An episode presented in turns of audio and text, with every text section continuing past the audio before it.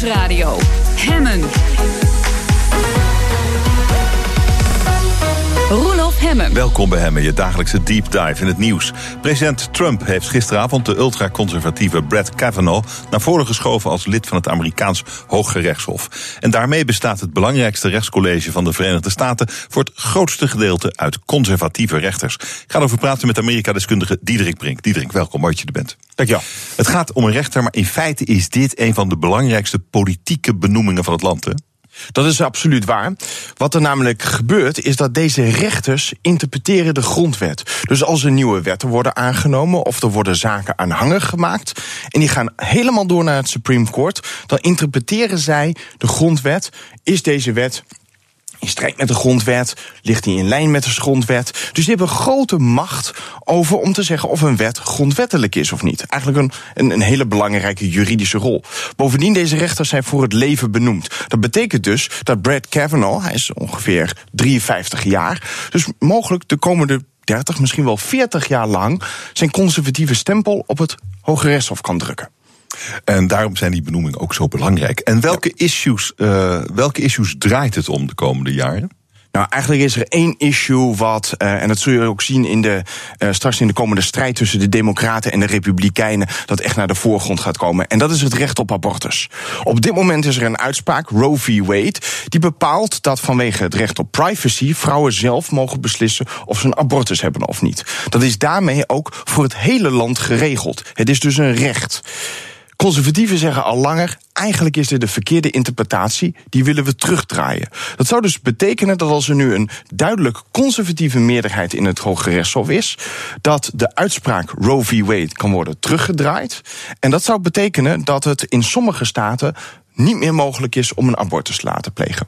Maar hetzelfde geldt bijvoorbeeld ook voor zaken als het homohuwelijk en andere wat meer controversiële politieke kwesties. Ja. Het is wel gek eigenlijk dat, dat die grondwet zoveel ruimte voor interpretatie laat dat het uh, ja of nee kan zijn op hetzelfde ja. thema. Dat, nou, is toch eigenlijk, dat is toch eigenlijk wel gek? En dat is eigenlijk de filosofische discussie die er is. Uh, Republikeinen, of in dit geval eigenlijk conservatieven, die zeggen: nee, het is een statisch document. Het is gemaakt in de laat 18e eeuw. En je moet het ook interpreteren over hoe het toen bedoeld is.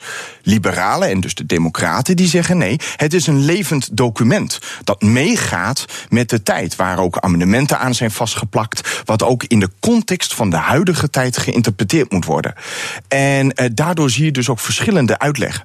De Democraten zeggen bijvoorbeeld, ja, deze grondwet was gemaakt in de tijd dat er nog geen auto's en vliegtuigen waren. Dus je moet ook zorgen dat je ook de omgeving van nu meeneemt in hoe je deze grondwet grondwet uitlegt. Republikeinen zeggen nee, het is toen gemaakt strikt volgen wat er staat en wat er niet staat. En voor de rest laten we het aan de staten. En dat is dus een belangrijk verschil. Deze grondwet regelt iets burgerrechten bijvoorbeeld voor alle Amerikanen. Terwijl uh, als, eh, waardoor sommige republikeinen zeggen nee, daarom moet hij juist een teruggetrokken rol hebben. Laat de staten er maar over gaan. Dat zou dus kunnen betekenen dat straks, als het recht op abortus landelijk komt te vervallen, dat er staten zullen zijn waarin uh, de wetgever regels aanneemt om het te verbieden. En dat er staten zijn waar de democraten in de meerderheid zijn, waar het recht op abortus nog wel zal gelden. Dus je krijgt een tweedeling in de Verenigde Staten. Hetzelfde kan bijvoorbeeld ook gelden voor het recht op homohuwelijk en andere van dat soort sociale of medische verworvenheden. Ja, het is toch totaal anders dan bij ons, waar rechters. Uh toch volkomen onafhankelijk moeten zijn. En in Amerika is het een voordeel als je dat ja. niet bent. En het is ook een andere vorm eigenlijk van, van conservatisme. Wij, hebben natuurlijk ook in Nederland wat conservatievere en rechtsere partijen. Maar als je bijvoorbeeld kijkt naar de VVD of het CDA of, of, of zelfs de PVV. Maar dat zijn geen partijen die tegen het homohuwelijk zijn of tegen abortus. Je zou Judge Kavanaugh eigenlijk moeten vergelijken met een SGP'er. En dat je in de Nederlandse ah, ja. samenleving zou zeggen: we hebben een constitutioneel hof. Dat gaat toetsen of alle wetten die de Tweede Kamer aanneemt. wel in strijd of, of in, in lijn liggen met de grondwet. En die zetten we vol met een meerderheid met SGP'ers.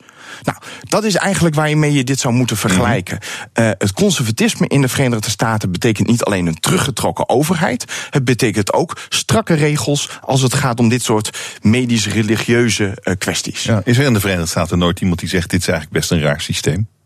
Het, het, stelsel wordt vaak ter discussie gesteld. Alleen de belangen zijn eigenlijk te groot om het ooit te kunnen veranderen. Ja, ja. Uh, Democraten hadden natuurlijk gehoopt dat als in november 2016 Hillary was gekozen, dat zij juist weer liberale rechters kon aanstellen en dergelijke. Eigenlijk is de ruzie hieruit voorgekomen uit wat er in 2016 was gebeurd. Toen is er een conservatieve rechter, Anthony Scalia, is overleden. En toen was Barack Obama was president. En die mocht eigenlijk een opvolger aanwijzen. Die heeft een keurige rechter aangewezen, Judge Merrick Garland. En die heeft gezegd: Ik wil deze man voordragen. Dan is de Senaat aan zet. Die houden daar vergaderingen, hoorzittingen over. En die mogen erover stemmen. De Republikeinen hebben simpelweg gezegd: dat doen we niet. Het is een verkiezingsjaar. Obama is passé wij nemen dit niet in behandeling. Nou, de Democraten hebben dat heel zwaar getrokken. Want die hebben gezegd: het is zijn recht om te doen. Hmm. Jullie stelen eigenlijk hiermee een, een, een, plek op het Supreme Court. De Republikeinen hebben ermee gegokt. En door de overwinning van Trump is het nu zo dat hij, uh, Judge Gorsuch mocht uh, voordragen. Ook een conservatief. En dat betekent dat eigenlijk het klimaat tussen de Democraten en de Republikeinen eigenlijk is verziekt. Het zou moeten gaan in de Senaat om: is deze man gekwalificeerd?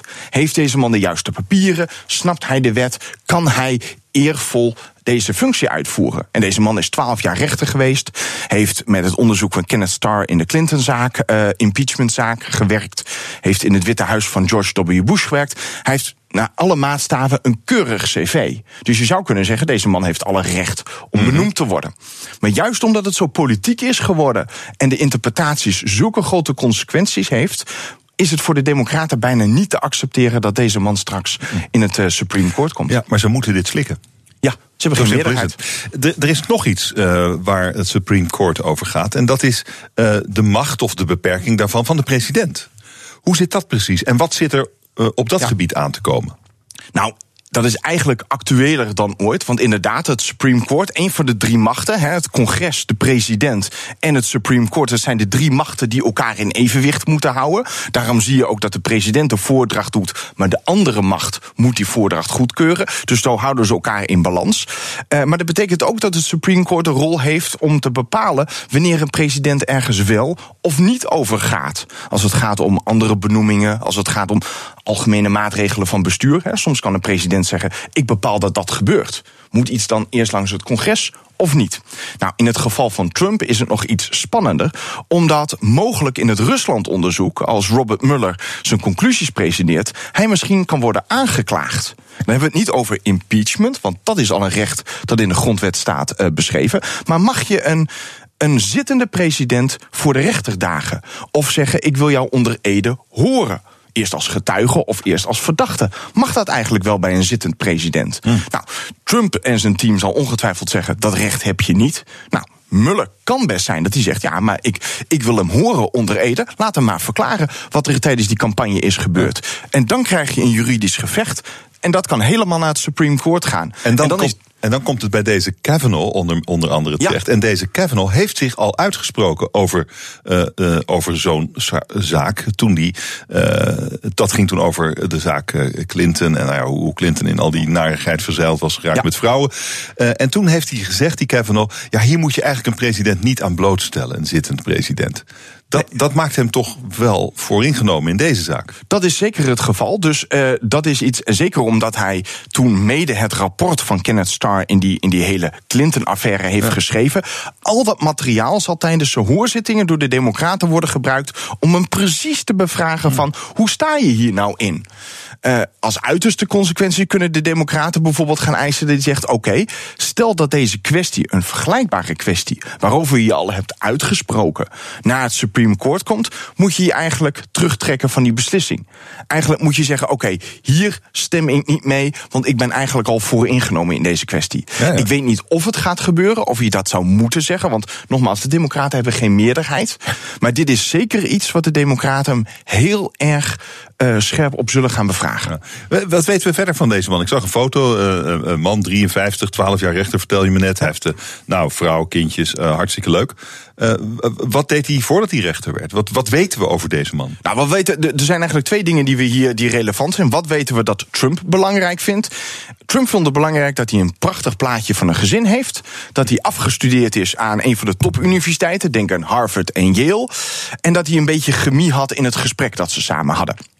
Nou, dat is allemaal waar. Het enige wat Trump een beetje een moeilijkheid vond was dat voor hij rechter werd, dat hij jarenlang in de Bush-regering heeft gewerkt. Nou, het is inmiddels wel bekend dat Donald Trump een ontzettende hekel heeft aan alle voorgaande presidenten. Want die waren lang niet zo goed als hij. Met name Obama en de beide Bushes waren toch wel geweldige losers. Dus het was eigenlijk nog maar de vraag of hij voor Kavanaugh zou durven gaan, omdat hij jarenlang als stafsecretaris in het Witte Huis heeft gediend. Uiteindelijk heeft dat toch uh, niet als een groot bezwaar gediend. Nou, Kavanaugh heeft eigenlijk een grote juridische carrière gemaakt, advocaat geweest. Hij heeft dus in dat, toen op een gegeven moment die Kenneth Starr dat onderzoek deed naar die affaire met Monica Lewinsky en het liegen onder Ede van Bill Clinton als president, heeft hij als stafmedewerker daar dat hele rapport in elkaar getypt. Nou, dat is nu dus ook wat tijdens de hoorzitting naar boven zou komen. En hij is al twaalf jaar federaal rechter. Dat is op zich een prima cv om in het Supreme Court te kunnen komen. Dankjewel, Amerika-deskundige Diederik Brink. Dank je zeer.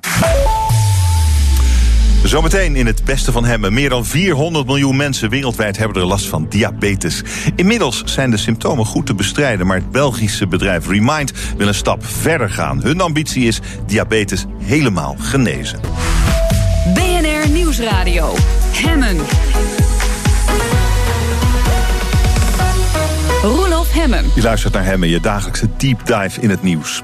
Een paar jaar geleden stond de wetenschappelijke wereld op zijn kop. Net als de relativiteitstheorie van Albert Einstein zou de ontdekking van het Higgs-deeltje in 2012 onze kijk op het heelal fundamenteel veranderen. Maar toen werd het stil. Wat was er ook alweer precies ontdekt en wat zijn we er eigenlijk wijzer van geworden? We duiken erin met Ivo van Vulpijs, deeltjesfysicus aan de Universiteit van Amsterdam en het Nationaal Instituut voor Subatomaire Fysica. En hij schreef een boek met een prachtige titel, De Melodie van de Natuur, de zoektocht naar de bouwstenen van het heelal. Meneer van Vulpen, welkom. Goedemiddag. Dank u wel. Goedemiddag. U zoekt dus de bouwstenen van het heelal, de steentjes eigenlijk, want u specialiseert zich in de aller, aller, allerkleinste deeltjes. U beschrijft het als een prachtig avontuur op zoek eigenlijk naar het begin van alles. U houdt van uw vak denk ik. Ja, absoluut. Ja. als het over het Higgs-boson gaat, dan raak ik weer in vuur en vlam. Ja, ik word niet ontroerd, ik hoef niet te huilen, maar het is wel een eh, enorme, ja, enorme prestatie. En het is waar, ja, ik en mijn collega's zijn op zoek naar de elementaire bouwstenen. Waar is alles uit opgebouwd? En dat, dat past in een traditie die we al honderd jaar doen. En gek genoeg bestaat alles wat we hebben op aarde, hier in deze studio, op aarde, uit drie elementaire bouwsteentjes. Dus als je drie Lego-blokjes hebt, kan je de hele aarde bouwen. En dat is gewoon fascinerend. Dat is raar. Maar zo is het. En wat zijn die drie dan? Is Higgs, het Higgs-deeltje daar één van? Nou, dat zijn de drie Lego-blokjes. twee quarks en, oh een, uh, en een elektron. En als je dat op de juiste manier aan elkaar knoopt... en we weten langzamerhand hoe je dat moet doen... dan kan je alle stoffen begrijpen die er in de, in de heelal zijn. Ja, en dan wilt u natuurlijk weten... waar komen die quarks en waar komt het vandaan? Ja, het waarom is nooit afgelopen natuurlijk, maar dat, maakt het juist zo spannend. Ja, ja, ik ben nooit klaar. Dat Higgs-deeltje, hoe past dat hierin? Nou, het gekke is, we, we zoeken naar de elementaire bouwstenen. En de regels waarmee ze met elkaar praten, hoe ze aan elkaar knopen en hoe ze de natuur opbouwen zoals wij die om ons heen zien. Dat begrijpen we fantastisch. Het enige dat we niet begrijpen in de theorie is hoe deeltjes massa hebben. Hoe, hoe het komt dat sommige dingen zwaarder zijn dan andere dingen. Nou, dat lijkt een trivialiteit, want we weten allemaal dat dingen massa hebben. Maar we begrepen niet zo goed hoe dat kan in de theorie. Nou, en het Higgs-deeltje, dat verklaart waarom deeltjes massa hebben. In de theorie. En het blijkt dus dat de lege ruimte, het heelal, is niet leeg, maar dat is opgebouwd uit een bepaalde substantie. En dat is het Higgsveld. En daardoor krijgen deeltjes massa. En dan kunt u denken, nou dat is leuk voor u dat u dat uitgevonden heeft. Fantastisch, de lege ruimte is niet leeg. Maar zonder dat deeltjes massa hebben, zouden ze nooit aan elkaar geklonterd zijn in het heelal. En dan zou er dus nooit zoiets ontstaan zijn als de zon. Of de aarde. Of u. Dus dat is best belangrijk, best een belangrijk concept, denk ik. En dat is dat Higgs-deeltje. Um, dus het verklaarde opeens wat dingen aan elkaar laat kleven. Waardoor, nou, een mooi voorbeeld, de zon. Wat heeft het uh, de natuurkunde nog meer geleerd? Ja, de natuurkunde heeft om deze ontdekking te doen, hebben natuurlijk een hele grote machine moeten bouwen om door te dringen tot steeds weer een dieper fundament. En elke keer dat je een nieuwe stap wil maken, of dat nou in de sport is, of dat nou in het bedrijfsleven is, of dat nou in de natuurkunde is, of in de wetenschap, moet je gewoon de grenzen over. Dus moet je echt de grenzen gaan verleggen. Dus wat we nu hebben gedaan, is we hebben nu met de hele wereld samen, alle natuurkundigen op de wereld samen, één machine gebouwd, die ons in staat stelt om die nieuwe wereld, dat nieuwe fundament te betreden. U moet het echt zien als een nieuw fundament waar we nu rondlopen. Ja, en in die wereld lopen we nu rond. Dus we begrijpen nu bijvoorbeeld het Higgs Higgsdeeltje. En we lopen in die wereld rond om te kijken wat voor rare dingen spelen zich af op dat diepste fundament. En wat heeft u dan gevonden sinds 2012, sinds het Higgsdeeltje?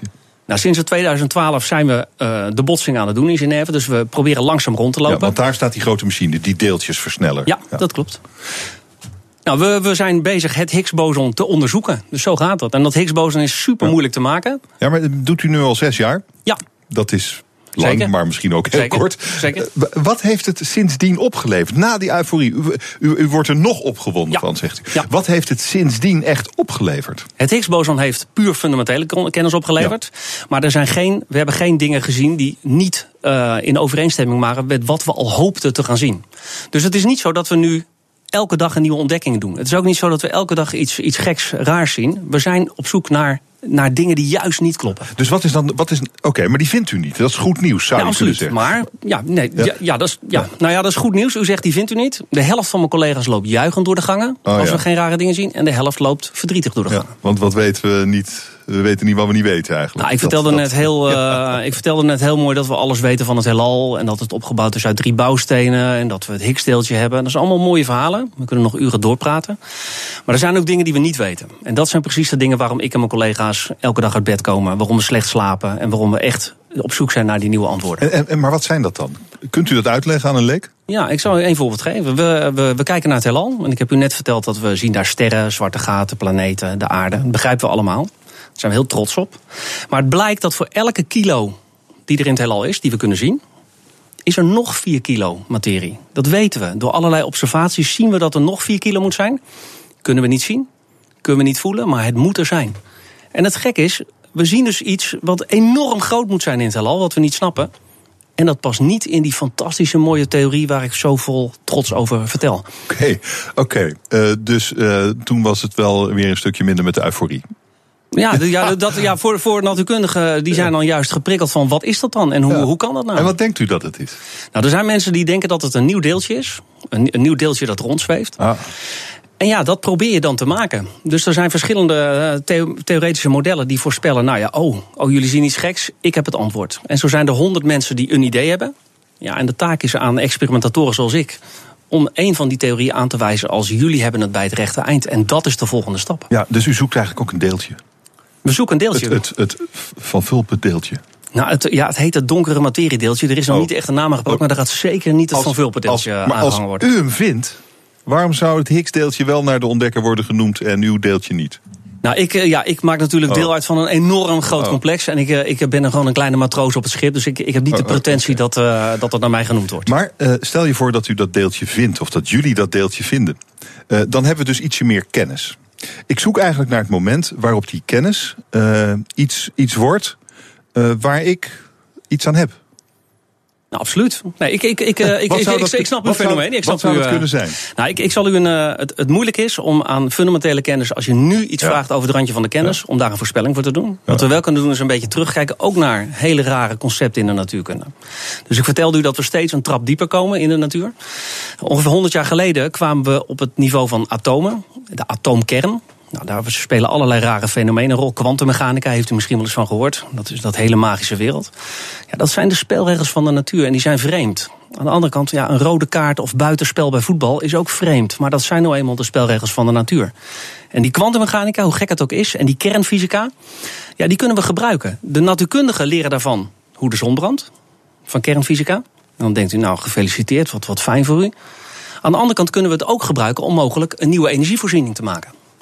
En dat gebeurt nu. Dus in Eindhoven zijn collega's van mij bezig om te proberen ja, het fuseren van atoomkernen te gebruiken om energie op een schone manier op te wekken. Ja, en dat is niet makkelijk. Sterker nog, dat is extreem moeilijk. Toch fijn dat de wetenschappers mee aan de slag zijn. U bent eh, zelf ook betrokken bij het onderzoek van, bij, eh, bij het CERN-laboratorium in, eh, in, in Genève. Hè? En nou, u heeft net uitgelegd wa- wat jullie daar aan het doen zijn. Maar ik las ook dat het is eigenlijk wel een bijzondere eh, club mensen die eh, bijvoorbeeld zijn eigen chef kiest. Eh, Ja. Dat soort dingen. Ja. Het, eh, hoe gaat zoiets? Wat is dat voor een club? En hoe zijn ze georganiseerd? Dit, dat, dat ze zelf hun chef kiezen, dat zegt mij iets. Nou, het is een, eh, het is een zelfstandige organisatie. Dus Ja. het is ook direct ge- gefinancierd vanuit de verschillende lidstaten. Het was oorspronkelijk een Europees, maar nu is het eigenlijk een wereldwijd consortium. Het is een, een plek waar mensen die in één bepaalde tak van de wetenschap geïnteresseerd zijn. Die deeltjesfysica, die avonturiers van de kleine deeltjes.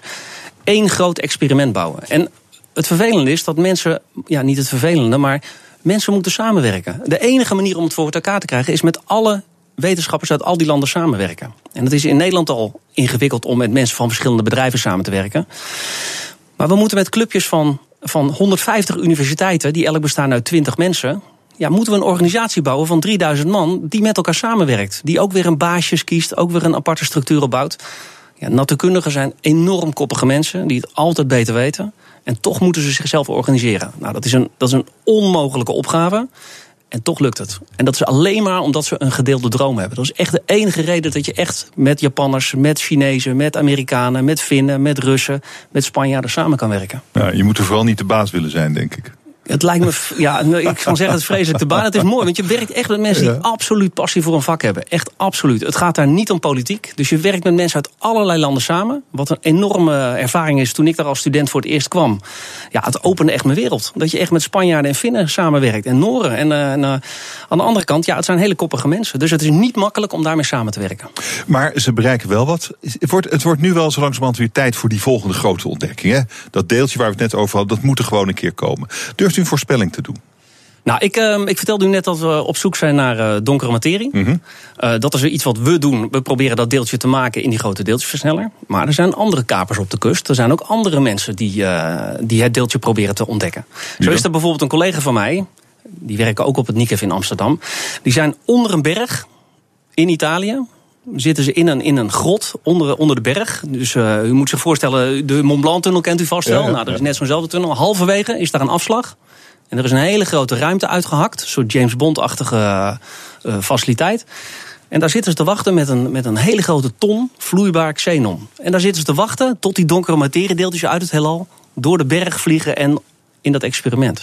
Dus u ziet het, het detecteren is heel ingewikkeld... en die natuurkundigen zijn hele rare mensen... Maar dit is, doen ze omdat ze echt die grote vraag op willen lossen. Dus ik hoop dat die donkere materie. Waar bestaat het heelal uit? Ja, dat dat de komende vijf jaar wel ontdekt gaat worden. Maar die, met, die mensen met dat vat xenon uh, daar in die berg in Italië, uh, dat is de concurrent. Ja. Waarom zitten die niet bij u dan? Die geloven niet in wat jullie doen in CERN. Nou, het zijn alternatieve, alternatieve approaches. Dus er zijn verschillende oh. mensen die proberen naar de eindstreep te gaan. Net zoals je ja, verschillende tactieken kunt hebben in. Uh... Maar u bent van, van team CERN. Ja. Uh, niet van uh, team met het vat Xenos. Xenox? Xenon. Xenon. Xenon. Xenon, natuurlijk. Dus wat doen zij dan? Wat zien zij verkeerd in uw opvatting? Nee, zij zien het niet verkeerd. Zij hebben gewoon een alternatieve manier. Dus zij hebben ja, een. Ja. Uh, ja, het licht. Kijk, u zegt het donkere materiedeeltje. Je weet toch wat het is? Het gek is, we weten niet wat het is. Dus zij denken, als het er zo uitziet, dan zien wij het. Als het eruit ziet hoe jij denkt, dan ga jij het vinden op CERN-niveau. En het mooie is, we doen het samen. We gaan samen weer de grenzen van de kennis oprekken. We praten over het Higgs-deeltje, ook over andere deeltjes. Maar het Higgs-deeltje, dat zou ook nog wel eens ongelooflijk gevaarlijk kunnen zijn. Zometeen. BNR Nieuwsradio. Mijn gast is deeltjesfysicus Ivo van Vulpen. We praten over het Higgs-deeltje. Door sommige mensen ook het godsdeeltje genoemd, uh, meneer van Vulpen. Waarom eigenlijk? Het was, uh, ja, het was echt de sluitsteen van een hele, hele lange zoektocht. Dus ze hadden een heel enorm groot model gebouwd. Proberen alle fenomenen die ze zagen in één, uh, in één containertheorie te, te, te pakken. Dat lukte dus prima, maar er ontbrak één puzzelstukje. En dat magische puzzelstukje, wat echt het fundament was onder, dat hele, onder die hele theorie. Dat was het Higgs-deeltje. En dat werd door iemand, is dat het, het goddeeltje genoemd. Daar heeft hij geloof ik heel veel spijt van gehad later. En uh, ja, de rest ook. Maar dat is toch blijven hangen oh, bij mensen. Oh, dus dat is iets te pretentieus voor wat het eigenlijk is. Oh, oké. Okay.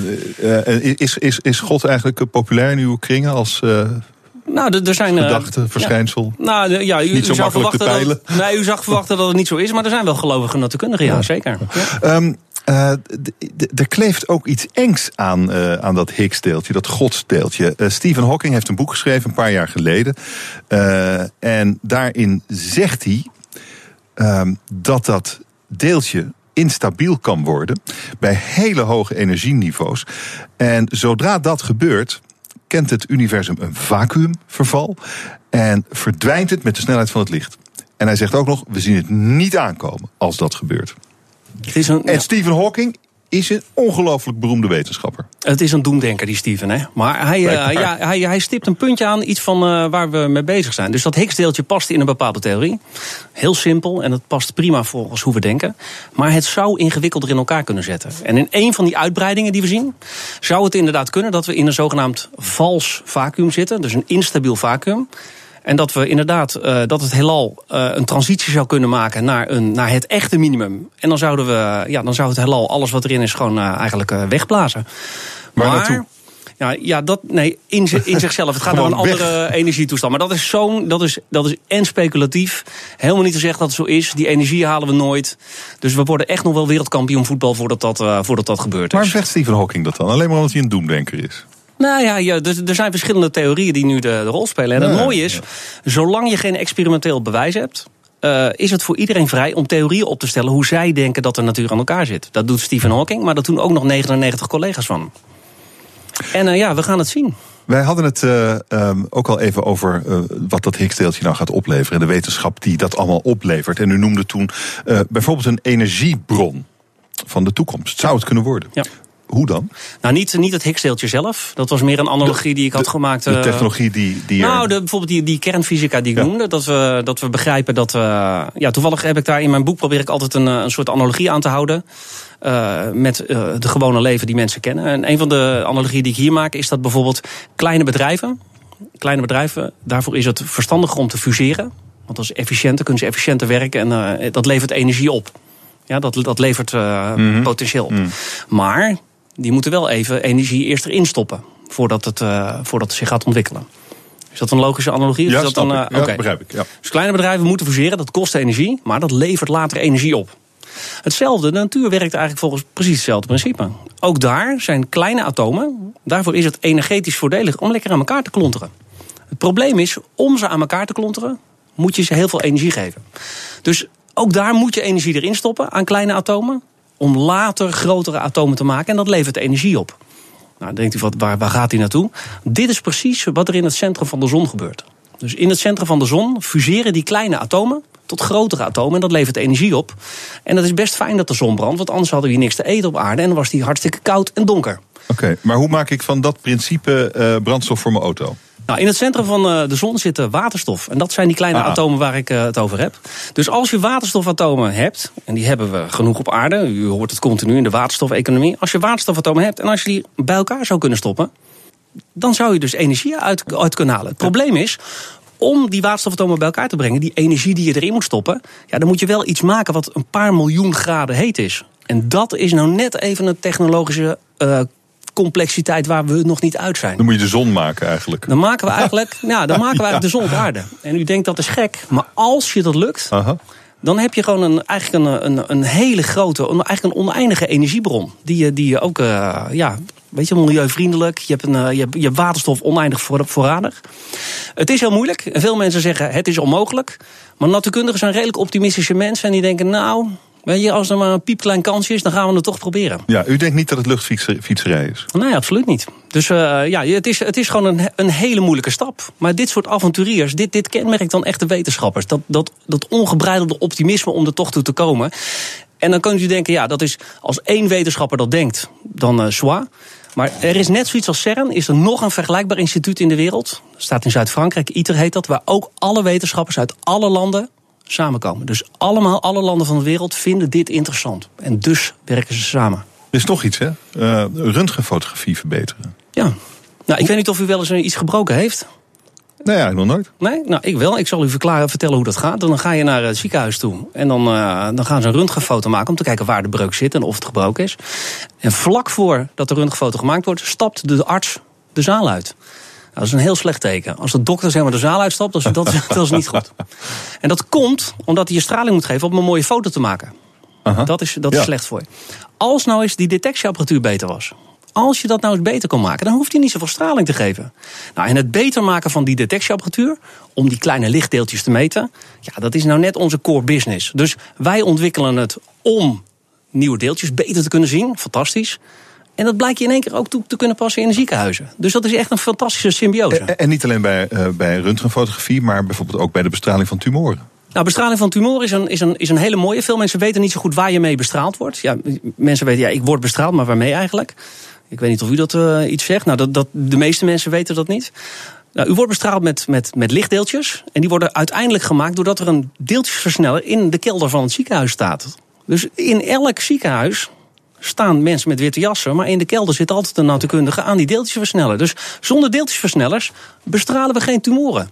Dus soms is die natuurkunde best handig. En vooral in een ziekenhuis. Ik vind dat u een fascinerend beroep heeft. En u vertelt er prachtig over. Hartelijk dank voor uh, dit verhaal. Deeltjesfysicus Ivo van Vulpen. Hij schreef een boek, De Melodie van de Natuur. De zoektocht naar de bouwstenen van het heelal. En dat ligt in de boekhandel. Hemmen. BNR Nieuwsradio. In de zomer gaat ook hem op vakantie. En daarom spreek ik elke dag een van mijn leukste gasten vanuit hun hangmat op vakantie. Vandaag Sander Schimmelpenning, de hoofdredacteur van Quote. Hi Sander. Hallo. Waar ben jij? Ja, ik zit op een klein uh, Kroatisch bootje op weg naar het eiland Palmijana. Dat ligt voor de kust van een ander eiland, Hvar, waar ik uh, een huis heb. Ah, je bent op weg naar je huis? Nee, ik ben op oh. weg van mijn huis. Van je uh, huis? Oh. Van mijn huis naar een mooi baadje waar, waar geluncht moet worden. Oh, wat, wat naar. En dat ga, en je, dus je hebt een picknickmandje bij je of zo? Nee, nee, er zit hier een heel mooi tentje. Waar ze vissen uit de zee halen en op de grill gooien. En uh, nou ja, veel meer heb je dan ook niet nodig. nee, heerlijk. Klinkt, dat klinkt al, alvast goed. Uh, maar je hebt een ja. huis in Kroatië. En daar ben je eigenlijk op vakantie op dit moment. Ja, ik, ik ben dus eigenlijk ook niet zo heel erg op vakantie. Het is nu wel even vakantie, maar we hebben de hele ochtend staan klussen. Ik ben hier met een vriend en het huis is eigenlijk nog niet helemaal af. Het had natuurlijk al twee maanden geleden af moeten zijn, maar Kroaten zijn beter in vissen grillen dan uh, huizen verbouwen. Um, dus nee, ik moet nog veel zelf afmaken en uh, ik hoop dat het over een week uh, helemaal af is. Oh, maar waarom heb je een bouwval in Kroatië gekocht dan? Nou, bouwval is een groot woord, oh. maar nou ja, omdat ik, ik ben verliefd op dit land. Het is een fantastisch mooi land en het is ook een interessante investering. zo dacht ik, omdat toerisme hier ontzettend booming is. Het is een beetje bij Nederlanders nog niet echt op de radar. We gaan altijd naar Zuid-Frankrijk en Spanje. We zijn eigenlijk niet zo creatief. Um, maar bijvoorbeeld Scandinaviërs en uh, ook Amerikanen, Brazilianen komen hier heel veel. Hmm. Dus het is echt een internationale ja, hotspot aan het worden. En uh, er valt geld te verdienen. Wauw, en dat ben, je daar, dat ben je daar eigenlijk aan het doen. Je hebt daar een investering gepleegd eigenlijk. Ja, eigenlijk ja. wel, maar, eh, maar wel een investering waar ik zelf ook heel veel plezier aan kan beleven door daar te zijn. Ja, beschrijf dat huis eens. Nou, het was eigenlijk. Het uh, heeft een prachtige oude binnenstad met Venetiaanse huizen, dus uh, stenen huizen. Um, en uh, daar eigenlijk tussen was een beetje vreemde eend in de bijt. Wat ja, minder fraai, jaren 60 betonnen bouwsel. Uh, uit die tijd. En ja, daar zag ik wel potentie in, omdat het een goede ligging heeft. Met mooi uitzicht en heel veel privacy aan, aan drie kanten. Dus ja, je moest een beetje er iets in zien om er iets mee te willen. Maar dat zag ik wel. En nou, het is eigenlijk heel mooi geworden. Dus dat zonder af jezelf verzekerd over willen komen, maar dat heb ik goed gezien. Ja, ja. En, maar je hebt er dus zelf ook heel veel aan verbouwd. Want je doet dingen ook zelf dus. Ja, ja, nee, ja, Kroaten uh, zijn natuurlijk oud-Joegoslaven, dus ook een beetje communisten. En oud-communistische landen hebben als gemeenschappelijke deler dat ze geen smaak hebben. Dus alles wat wij mooi vinden, hebben ze niet. Hm. Dus je moet alles importeren. Dus ik heb zelf vloeren van beton ciré gemaakt, uh, wat ze hier niet kennen. Uh, tegels geïmporteerd, alle meubels. Ik ben twee keer met een Ford Transit uit Nederland komen aanrijden vol met spullen. Dus ja, dat soort, dat soort dingen moet je zelf doen. Ja, en, uh, en jouw bouwvakkers die willen eigenlijk het liefste visjes schillen en om een uur of tien aan het bier. Ja, ja net precies. Dat, is, ja. dat is ook een belangrijke reden waarom je veel hier moet zijn. Want het zijn fantastische mensen hoor, Kroaten. En, uh, en ze, ze lichten hier ook niet op of zo. Alleen, ja, ze, ze hebben geen haast. en dat betekent dat soms als het als ze moeten wachten op iets of ze kunnen iets niet vinden, dan trekken ze gewoon op tien uur een blik, uh, blik bier open. Ja. ja. Maar dit klinkt wel, uh, Sander, als een uitermate ontspannende vakantie. Wat jij hier aan het doen bent. Hoewel het natuurlijk klussen is, het lijkt me fantastisch. Ja, het, het is fantastisch. Alleen wat natuurlijk wel zo is, je bent toch ook wel de hele dag weer gestrest. Er gaan allerlei dingen mis en dan hoop je mooie vandaag was mijn crisis dat er deurbeslag was gekocht in Nederland. Omdat mijn aannemer zei, ja, de standaard, standaard size, oh, normal, no problem, no problem. en uh, dan blijkt dat dat toch allemaal weer niet past. Uh, dus nou, dat soort dingen heb je de hele dag. Maar het is wel een soort van beheersbare stress. Het is ontspannende stress, zou ik maar zeggen. Mm. Het gaat natuurlijk nergens over uiteindelijk. Nou ja, over je huis uh, is geen kleinigheid. jawel, maar het is, jawel, maar het is, is uh, ja, vergeleken met mijn andere stress is het eigenlijk een soort van ontspannende stress. Ah. Uh, wat, wat is jouw ultieme vakantietip? nou ja, hierheen komen. Het is echt een fantastisch land. je, kan het, je kan het goedkoop houden, je kan het ook duur maken. maar het, is het fijne van deze plek van, van dit land is het dat het een mix aan mensen is. Hè. De Zuid-Franse kust is natuurlijk of je staat op een camping of je staat uh, tussen allemaal extreem decadente mensen in Saint-Tropez. Uh, hier heb je eigenlijk alles uh, door elkaar heen lopen en dat maakt het heel leuk. Het is gewoon een heel toegankelijke plek. het eten is fantastisch, het weer is fantastisch, heldere zee. Ja, dat, dat is eigenlijk alles wat een mens nodig heeft. Hè. En het is niet zo heel duur, hè? Nee, nou ja, er zijn wel hele dure plekken. We komen nu aan in een jachthaven waar, waar de Abramovic van deze wereld gewoon liggen. Dus het is er wel. Uh, maar naast een dure tent zit ook altijd een, een lokale Ivan die wat vissen gedeeld voor een heel schappelijk prijsje. Ik uh, ben uh, jaloers op je, Sander. Veel plezier in Kroatië. Sander Schimmelpenning, hoofdredacteur van Quote. Dankjewel. BNR Nieuwsradio. Hemmen. Hemmen. Fijn dat je luistert naar Hemmen, je dagelijkse deep dive in het nieuws. Mijn gast is Ralf Keuning. Hij is al elf jaar directeur van Museum De Fundatie in Zwolle. Toen hij begon waren er 30.000 bezoekers per jaar. Nu 250.000 bezoekers per jaar. Ralf Keuning, welkom, mooi dat u er bent. Fijn om hier te zijn. En uh, ik ben Ralf. ik ben Roelof. Heel goed. Heel fijn. Mooi. Uh, mijn eerste vraag is: hoe heb je dat voor elkaar gekregen? Een bijna een vertienvoudiging van het aantal bezoekers. Ja, het, het, is een kwestie van, uh, van heel precies programmeren. Uh, het museum, een, een, museum is eigenlijk een vrij simpel iets. Het is een gebouw, uh, er is collectie in. Als je mazzel hebt, heb je een hele goede collectie. Nou, die mazzel hebben we. En ehm, daar bouw je een heel mooi tentoonstellingsprogramma op en omheen. En als je dat heel goed doet, hebben die tentoonstellingen iets te maken met de collectie die je hebt omdat ze bijvoorbeeld uh, topstukken uit je collectie als een soort centerpiece hebben. Wat zijn de topstukken uit de collectie? Wij hebben, een, uh, wij hebben de enige, het enige schilderij van William Turner uh, in Nederland. William Turner, de grote Engelse romanticus. Het is eigenlijk een beetje de Rembrandt van Groot-Brittannië. Uh, en er is, er is maar één schilderij. Er zijn een paar aquarellen in de collectie van het Rijksmuseum, maar, maar één schilderij. En dat hangt in Zwolle. Uh, we hebben een Canova. Daar gaat eigenlijk het, geldt hetzelfde verhaal voor. neoclassicistisch Italiaans kunstenaar die van die, van die hele die, die maakte machtsesthetiek. Die, die, die beelden koningen af. Wij, wij hebben een uh, voorstudie hm. van, een, van een beeld wat hij van de moeder van Napoleon Bonaparte heeft gemaakt. En dat is de enige Canova in een openbare collectie. Maar we hebben Van Gogh, we hebben Mondriaan. we hebben ook hele goede hedendaagse kunst. We hebben vrij recent hebben we een waanzinnige Neo Rauch gekocht. Neo Rauch, de belangrijkste kunstenaar van nu. en daar hebben we op dit moment hebben we de drie hm. bruikleders van Rauch omheen hangen. Dus als je naar Zwolle gaat, zie je vier toprauchs. Oké, dus dat is de collectie, dat is de basis. Dat is de basis. Dan, dan, dan moet je dus daaromheen gaan uh, nou, dingen gaan doen, collecties uh, uh, tentoonstellingen met die collectie in, in samenhang brengen op een of andere manier. Ja. Nou, en dat heb je dus blijkbaar heel succesvol gedaan de afgelopen ja, ja, en, elf jaar. En daar zit, en het, het leuke is, we zijn eigenlijk vanaf het allerprilste begin hebben we een soort sandwichformule hebben we neergelegd. Beetje dat wat Joop van der Ende ook doet. Hè. Je, je programmeert populair en specialistisch programmeer bij voorkeur tegelijk tegelijkertijd, zodat verschillende publieksgroepen uh, je instelling bezoeken. Nick en Simon. Uh, Muziek van Nick en Simon gebruiken om kunstenaars zich te laten inspireren, daar werken van te maken en die laat je dan zien. En dan heb je eigenlijk het populaire haakje Nick en Simon. Exact. zo werkt. En we hadden tegelijkertijd hadden we een hele mooie tentoonstelling rond die Engelse romanticus William Turner. En toen hadden we echt enkele tientallen Turners hadden we in huis gegroepeerd rond die ene Turner van ons. En tegelijkertijd Nick en Simon. En wat je dan ziet is dat de kunstliefhebber komt. Eh, normaal gesproken komen ze alleen. En als ze puberkinderen hebben, laten ze ze thuis. En nu kwamen de puberkinderen mee. En dan doe je iets heel erg leuks natuurlijk. Hè? Nou ja, en Jeroen Krabbe, BN'er en kunstenaar. Mm.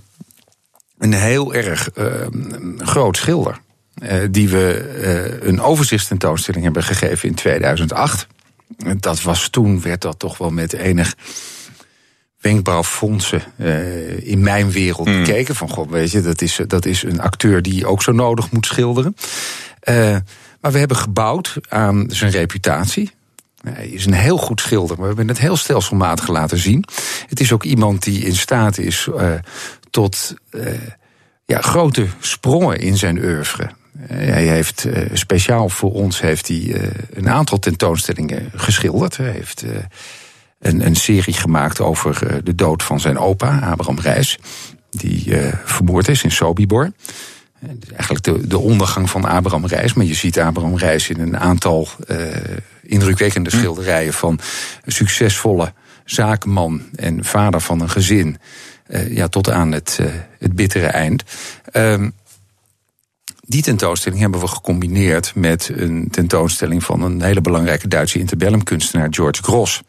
Uh, die eigenlijk vlak voordat Hitler aan de macht kwam, dat fascisme al zag komen en daar enorm tegen hm. ten strijde trok. Niemand kent George Gross, hè, behalve de insiders. En iedereen kent Jeroen Krabbe. Mensen kwamen uh, Krabbe bekijken, ontdekten Gross. En omgekeerd, insiders kwamen voor Gross. Ja, ja. En die ontdekten Jeroen Krabbe. Dus, dus dat is eigenlijk de succesformule, de sandwich. Uh, ja, en ik, ik zou dat volmondig met ja beantwoorden... waar het niet dat we net een uiterst succesvolle... Uh, grote overzichtstentoonstelling van Neo Rauch achter de rug hebben. Ja. Misschien heb je die reclame wel eens gezien. Dat nou, ik, uh, ja. Daar kon je bijna niet on, aan ontsnappen. Dat klinkt zo. U moet naar deze tentoonstelling komen kijken. Maandenlang uh, na de Wereld Draait Door op de televisie. U moet naar deze tentoonstelling komen kijken. Dus ja. gewoon sommeren, u moet. En dan ja. komen ze blijkbaar. Nou, het, dit is wel een kunstenaar die echt niemand kent. Hè? Nee. Want je zei net, dit is de beroemdste kunstenaar op dit moment. Maar ja. nie, niemand kent deze man. Ja, ik, ik, ik, ben er in het begin van. Ik ben ervan uitgegaan dat zo'n 20.000 mensen in Nederland hem kennen. Oh. En dat, dat, dat is echt inner circle. Uh, kunstenaars, uh, mensen uit mijn vakgebied. Uh, en hij is gigantisch. Het is een kunstenaar die in de DDR is opgegroeid. Hij is van 1901, hij is van 1960. Hij is, een, hij is ruim een jaar jonger dan ik. Is mijn generatie, maar in de DDR opgegroeid. En is een van de weinige DDR-kunstenaars die daar ook zo'n volledige scholing heeft gehad. Die groot internationaal doorgebroken is. Uh, tweede helft jaren 90 werd hij ontdekt door Amerikaanse verzamelaars. Die begonnen het hem echt veel te kopen. Met het gevolg dat ze he, prijstechnisch explodeerde dat alle kanten uit. Grote musea in de Verenigde Staten gingen hem laten zien. Uh, Europa volgde en eigenlijk volgde daarna pas Duitsland. En hij is nu een. Uh, nou, ik, ik ga uh, vrijdag weer naar hem toe. We praten over nieuwe projecten. En ik uh, hm. zie hem in Bayreuth, waar hij uh, voor de Wagner Festspielen is omdat hij het Bühnenbeeld, ik zeg bewust niet decor, want dat klinkt niet belangrijk genoeg, maar het Bühnenbeeld voor de uitvoering van Lohengrin maakt. Hè. Dus het is, uh -uh. het is uh iemand, hè, in, in Duitsland noemen we zo iemand een schildersvorst, de malervuurst. En uh, en, en hebben dit soort mensen een soort van, van onaanraakbare status. In Nederland kent niemand hem. En ik vond het wel heel belangrijk. We hadden 65 werken van hem uit alle hoeken en gaten van de wereld gehaald voor een godsvermogen. En dan moet er wel publiek komen. Er kwamen 80.000 mensen. 88. 88.000 ja, mensen. Ja, Oké. Okay. Ja. Is dat genoeg? Uh, je, je begrijpt dat. Uh, als ik daar uh, zeg van u moet komen, dan, dan, dan vind ik dat de rijen echt, uh, echt eindeloos moeten zijn. Dat was op zich was dat heel bevredigend. Oh. Uh, de tentoonstelling was prachtig. Ik heb hem met tranen in mijn ogen zien gaan. En ik ben ook heel blij dat er dus, dankzij particuliere gebruikleengevers, die hebben gewoon drie werken bij ons gelaten. En twee daarvan zullen zes, misschien zeven, of misschien wel een jaar, hè, maanden blijven. Mm -hmm. eentje blijft veel langer. Hè. Maar het is eigenlijk niet genoeg hoor ik in wat je mm. zegt. Nou, dat is een beetje het, het, het probleem als je zelf zo uh, gelooft in zo'n kunstenaar. Mm. Dan ben je heel moeilijk te bevredigen. Okay, dat is heel subjectief. Laten ja, we, uh, maar, laten we gewoon. Dit is mijn wereld helemaal hoor. Maar laten, laten we gaan kijken dan naar gewoon als je het sommetje maakt. is er onderaan de streep iets overgebleven of moest er wat bij? Was het Ehm, bedrijfseconomisch een succes? Ik denk dat deze, deze zal redelijk op nul zitten. Oké. En het is ook wel zo. ehm, ik maak de rekensom maak ik, ehm, maak ik over een heel jaar. En er zijn absoluut projecten die verlies mogen leiden. Eh, sterker nog, eh, we zijn een stichting. Eh, We, zijn, we hebben een ambi-status. We krijgen 1,9 miljoen euro subsidie per jaar. Daar draaien we twee musea van. Hè. Naast het museum in Zwolle ook Kasteel het Nijenhuis onder de rook van Heino. Ehm, wij kunnen niet zonder die subsidie. Onze omzet is 5,5 miljoen. En haal die subsidie weg en het houdt op te bestaan. Dus ehm, het is normaal dat we een beetje verliezen. En het is heel fijn als, eh, als we zo nu en dan ook eens wat winst maken. Ja, op deze had je natuurlijk moeten verdienen. U moet komen. Eh, ja, nou, misschien ook wel niet. Misschien is de, eh, de winst voor ons, is, als, je, als je nou toch over geld praat, eh, zijn heel direct die drie schilderijen die nu bij ons zijn. Oh ja. Die eh, alle drie een verzekerde waarde hebben van rond of boven de miljoen. Die zijn er gewoon, die hoeven we niet te kopen. Die, die zijn in huis. Twee zullen gaan, maar we zullen natuurlijk ons uiterste best doen om ze te houden of weer vervangen te krijgen of wat dan ook. Dus in je reputatie doet dit heel erg veel. Ja, maar ik snap ook wel dat geld niet doorslaggevend is. Als je eh, mooie dingen wilt laten zien. Dan gaat het natuurlijk vooral over hoeveel mensen krijg je binnen. Ja. Ja. Ehm, ehm, het, is wel, eh, de, het is wel ook dapper eh, dat je dat doet. Een enorm risico nemen. Dit had natuurlijk, stel je voor dat alleen maar die 20.000 mensen die hem al kenden zouden zijn gekomen. Dan was het echt een enorme misser geweest. Ja, maar dat, dat is. eh, het, het, het is elf jaar. eh, we hebben een gestage groei gehad. En die gestage groei die had in eerste instantie alles te maken met heel goed eh, volgens die sandwich-formule programmeren. Toen zijn we gaan uitbreiden in Zwolle. Dan hebben we dat iconische ei op het dak gezet. Wat iedereen kent en wat helemaal fantastisch is. Wat ons niet alleen duizend vierkante meter meer ruimte heeft gegeven, maar ook een heel duidelijk profiel. Waarvan sommige Zwollenaren aan jou vroegen of je misschien gek geworden was. Ja, maar het, het, het leuke is, eh, dat is toch wel heel grappig van zo'n stad, van zo'n stad als Zwolle. Dat ligt aan de rand van een, een binnenstad die een beschermd, beschermd stadsgezicht is. eh, En het museum is een rijksmonument. En daar doe je dan toch wel een hele stevige ingreep in. We hebben het heel goed uitgelegd. Er is precies één zienswijze ingediend. En die was, eh, ja, die was informerend. En daar hebben we ook heel serieus op geantwoord. En dat is geen bezwaar geworden. Maar ja, mijn, mijn, mijn vraag was eigenlijk: het, je neemt als museumdirecteur toch wel een groot risico met de tentoonstelling van Neo. Er komen nu bijna 90.000 mensen. Dan kan je zeggen, nou, ik had meer voor, maar het is toch mooi, denk ik dan. Nou ja, ik ben daar heel tevreden mee, dus, dus, maar het is wel een risico. Dit had natuurlijk ook gigantisch mis kunnen lopen. Tuurlijk. Zo'n Nou, onbekende kunstenaar in Nederland. We openen op 22 september openen we een tentoonstelling Alberto Giacometti en Lynn Chadwick. En iedereen kent Giacometti natuurlijk. Dat is een heel groot voordeel. Lynn Chadwick eh, kennen velen niet, maar is een buitengewoon interessante kunstenaar. Dat is een tentoonstelling die een kostenprofiel heeft wat nog aanzienlijk ongunstiger is dan de Rauch tentoonstelling. Eh, Dus dit is wel het jaar eh, waarin we onze, eh, onze hemsmouwen oprollen en vooral ook niet de makkelijke weg bewandelen. Maar is dit dan eigenlijk misschien je oogstjaar? Kun je nu doen wat je echt wilt? Wat ik wel heel belangrijk vind, is dat je, ehm, dat je een mooi ritme in je programmering legt. En eh, wat we nu doen met Rauch in het voorjaar en Giacometti Chadwick in het najaar, is dat we tentoonstellingen maken die internationaal gezien worden. En die ons internationaal op het allerhoogste podium plaatsen. En daar waren we nog niet. Daar waren we zo nu en dan wel een beetje. Hè, met zo'n Turner tentoonstelling. We hebben ook wel eens Marino Marini gedaan. Maar eh, op, dit is de beste Rauch tentoonstelling die ooit geweest is. En dat zeg ik niet. Eh, dat zegt uh, Frankfurter Allgemeine Zeitung. Uh, die Giacometti Chadwick tentoonstelling wordt een waanzinnige belevenis. En dat zullen ook de buitenlandse kranten gaan schrijven. En dat gaat ervoor zorgen dat dat museum de fundatie in die hele mooie Hansestad Zwolle. Die, die is compact, die stad. Uh, een beetje een mini-metropool. Het is een stad die 140.000 inwoners heeft, maar een veel groter verzorgingsgebied. En bijna een miljoen uh, mensen uh, hmm. zijn afhankelijk van Zwolle, uh, linksom of rechtsom, voor hun baan, voor hun opleiding, of omdat ze daar hun boodschappen doen, of hun cultuur zoeken. die, die stad wordt in één keer op een, op een internationaal podium getild, waar het eigenlijk ook wel thuis hoort. En dan komen er veel meer mensen uit het buitenland ook, hoop je. Dat is wel het streven. We konden het bij Rauch al een beetje constateren. Zeker omdat hij in de Duitse pers veel aandacht heeft gekregen. Dus we zien de Duitsers komen. We zien de Duitsers nu ook blijven, grappig genoeg. En die, die vinden ons nu ook. En bij Giacometti, bij Giacometti Chadwick zal dat ongetwijfeld een voortzetting krijgen. Praat zo verder met Ralf Keuning, de museumdirecteur die van de Fundatie in Zwolle een hit maakte. BNR Nieuwsradio. Hemmen. Mijn gast is Ralf Keuning. Hij is de directeur van Museum de Fundatie in Zwolle. En hij is de man die het bezoekersaantal van de Fundatie de afgelopen elf jaar vertienvoudigde. We hadden het net al een beetje over je ambitie. Buitenland, op het hoogste niveau. Um, kan je dat eens concreet maken? Wat is de ambitie over, over nog eens een paar jaar? Nou, wat. Uh, ik, ja, dat kan je concreet maken. Uh, als je gaat kijken naar. Uh,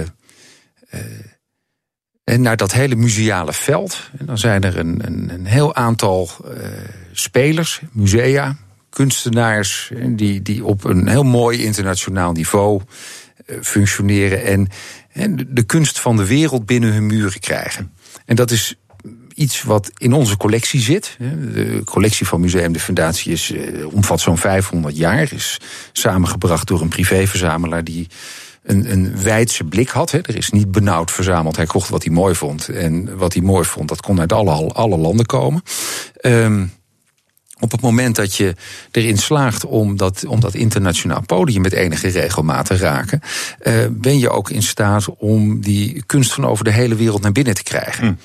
En uh, ik, ik, voel mij heel erg Europeaan. Uh, ik vind dat we in een merkwaardig tijdgevricht leven waarin uh, het net lijkt alsof de werelden steeds kleiner aan het worden zijn.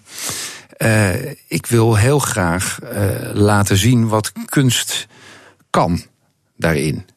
En dus uh, dat betekent dat we niet alleen hele mooie kunst laten zien, maar ook kunst laten zien die een standpunt inneemt.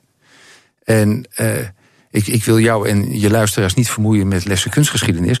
Maar het, het idee dat kunst vrij is en dat kunst een soort van, van waarde buiten uh, het maatschappelijk mhm. systeem vertegenwoordigt. Hè, een vrijheid die gekoesterd wordt ook. Hè, die vrijheid van de kunst is een eh, heel recent idee. Het is een idee wat uit de romantiek komt, wat uit de eerste helft van de 19e eeuw komt. En daarvoor was eigenlijk alles toegepast. Nou, als je eh, het meest grijpklare voorbeeld is de nachtwacht. En waar die burgemeester van Amsterdam, Frans Banning-Kok, daar zo ontzettend dominant in het midden stond. En Frans Banning-Kok heeft ervoor gezorgd dat er een textielmagnaat was die uh, die nachtwacht financierde. En hij heeft natuurlijk eindeloos over de schouder van Rembrandt meegeleund. Om te zeggen: van, joh, maar ik wil het zo, ik wil het zo, ik wil het zo. Maak mij mooi. Dat was, ja, maak mij mooi. Maak uh, mijn kring mooi. Maak deze kring van Amsterdamse uh, beschermers, maakt die mooi. En ja, wees, representeer mijn macht. En uh, je ziet dat, hmm. dat in de wereld er nog steeds mensen heel goed erin zijn om die macht gerepresenteerd te zien. Poetin, Noord-Korea, China, die kunnen dat hartstikke goed. Hè? En uh, ik vind het heel jammer dat wij als democratieën, als Europa. Uh, de, de propaganda van ons idee zo verwaarlozen. Oké. Uh, Ook in de kunsten. Ja, ja, Nike verkoopt zijn waar aanzienlijk beter dan wij ons Europese ideaal. En uh, het is natuurlijk, het is elke keer weer een ontluisterende ervaring om verkiezingen te zien. En te zien dat het alleen maar gebeurt met een foto van een betrouwbaar ogende man over het algemeen. Uh, met daaronder hm. eigenlijk stem mij. Dat is eigenlijk een verwijt aan de kunsten. Nee, ze verwijten aan de opdrachtgevers. Hm. Okay. Het is ge ge geëngageerd opdrachtgeverschap, dat is belangrijk. Ja, ja. Oké, want nou ja de, ja, de kunstenaar moet ook leven, bedoel je? Mm, nou, nee, ik, ik, bedoel het eigenlijk anders. Ik bedoel dat, uh, kijk, wij, wij zijn geneigd om te denken dat die nachtwacht is voortgekomen uit het genie van Rembrandt. Rembrandt kon natuurlijk heel goed schilderen en die had een, een, een feilloos gevoel voor de onconventionele mm. compositie. Maar die Fransman in Kok, die wist precies wat hij, wat hij hebben wilde. Ah, en dat het, op, het zit in het opdrachtgeverschap. Dat is een interessante gedachte. Zie je dat ergens al gebeuren in, in, nou ja, in ons deel van de wereld? Oh, je zag het even bij de SP. Dat was wel interessant. De SP, eh, toen hij hm. opkwam, eh, toen had hij een, een enorm geprononceerde eh, optische presentie. En dat was een tomaat. Het was een tomaat, maar dat was ook, hè, maar dat was de, de antipartij. Ze hebben, ze hebben moeite, hè, stem tegen, stem SP. Uh, ze hebben moeite om, uh, hmm. om de voorpartij te worden, terwijl die daar wel zit, denk ik. Uh, je ziet het Jesse Klaver een beetje doen. Ja, ja. Maar het kan nog aanzienlijk meer. Ja. Is dat, uh, dat engagement, zie je dat verwacht je dat vooral van links? Of zou dat aan de andere kant van het spectrum ook kunnen? En zou het eigenlijk niet uh, het gekriegel van de partijen moeten ontstijgen? Als je het over de Europese waarden hebt, dan zijn dat misschien wel waarden die voor alle partijen van belang zijn. Mm -hmm. Of of, dat zou heel goed kunnen. Ja, ja. Dat zou heel goed kunnen op het moment dat je, uh, dat je Mark Rutte uh, toch misschien een beetje warm ziet lopen voor uh, de belangrijkste Europese positie. Waar je eigenlijk waar ik heel erg op hoop, moet ik zeggen. Want dat zou wel Mr. Europa kunnen zijn. Maar laat hij dan in vredesnaam een stelletje kunsthistorici in zijn kielzog meeslepen. om eens goed na te denken over hoe je dat Europees ideaal ook van beeld gaat voorzien. En, en, en wat ga jij dan laten zien in de fundatie daarover? Als het er nu nog niet, nog niet echt is, het is wel je ambitie. Hoe ga je dat voor elkaar krijgen? Nou, het, ik, ik heb zo, zo doe speldenprikjes. Ik heb, de, uh, ik heb de, de propagandist van de Duitse Communistische Partij heb ik laten zien, John Hartfield. Die uh, in die grote campagnes, die eigenlijk vlak voor de machtsovername door Hitler zaten, een beeldtaal heeft neergelegd die. Uh, ja, dat is, het is Photoshop avant la lettre. Hij maakte fotomontages. We kennen ze allemaal. Adolf Hitler die de Hitlergroet brengt met iemand die daar een, een muntstuk in zijn hand duwt. En daar staat dan miljoenen steen hintermeer. Wat je natuurlijk heel dubbel duidelijk kan. Dus we laten hele goede propagandakunst zien. Uh, van de linker, ter linkerzijde, maar dat zullen we ook ter rechterzijde gaan doen.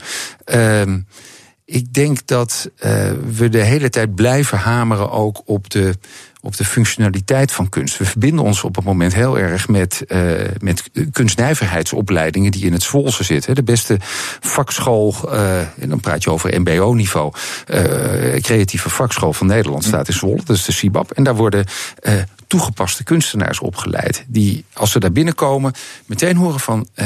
Je eigen creativiteit is belangrijk, maar er is nog één ding wat veel belangrijker is: de stopdrachtgever. Ja. Ja, ja. En dat is interessant. Ja, terwijl ik, ja, ik, ik heb de kunstenaar zie ik toch vooral als een vrije geest die maakt wat hij wil. Maar dat is natuurlijk ook een vrij achterhaalde gedachte eigenlijk. Nou, dat is, het kan allemaal naast elkaar bestaan. Alleen wat, wat, wat we echt moeten doen, is dat we, eh, zeker in een wereld waarin we niet meer als vanzelfsprekend hmm. de leiding hebben die hebben we niet meer. Dat is heel raar. Het is heel vreemd. Ik ben, ben zo'n koude oorlogkind. Ik ben naar Berlijn gegaan toen de muur nog stond. En het, het was volkomen overzichtelijk. Wij zitten daar in het westen, je had ze in het oosten. En eigenlijk was er, behalve die tegenstelling, was er niet zo gek veel in die wereld. Op het moment eh, worstelt Europa met zijn, met zijn profiel, met zijn identiteit, met zijn, zijn waardes. En we zijn niet in staat om die discussie te doen begeleiden door dusdanig beeld. En dat eh, mijn kinderen, die 18 zijn, geenthousiasmeerd worden. Mm.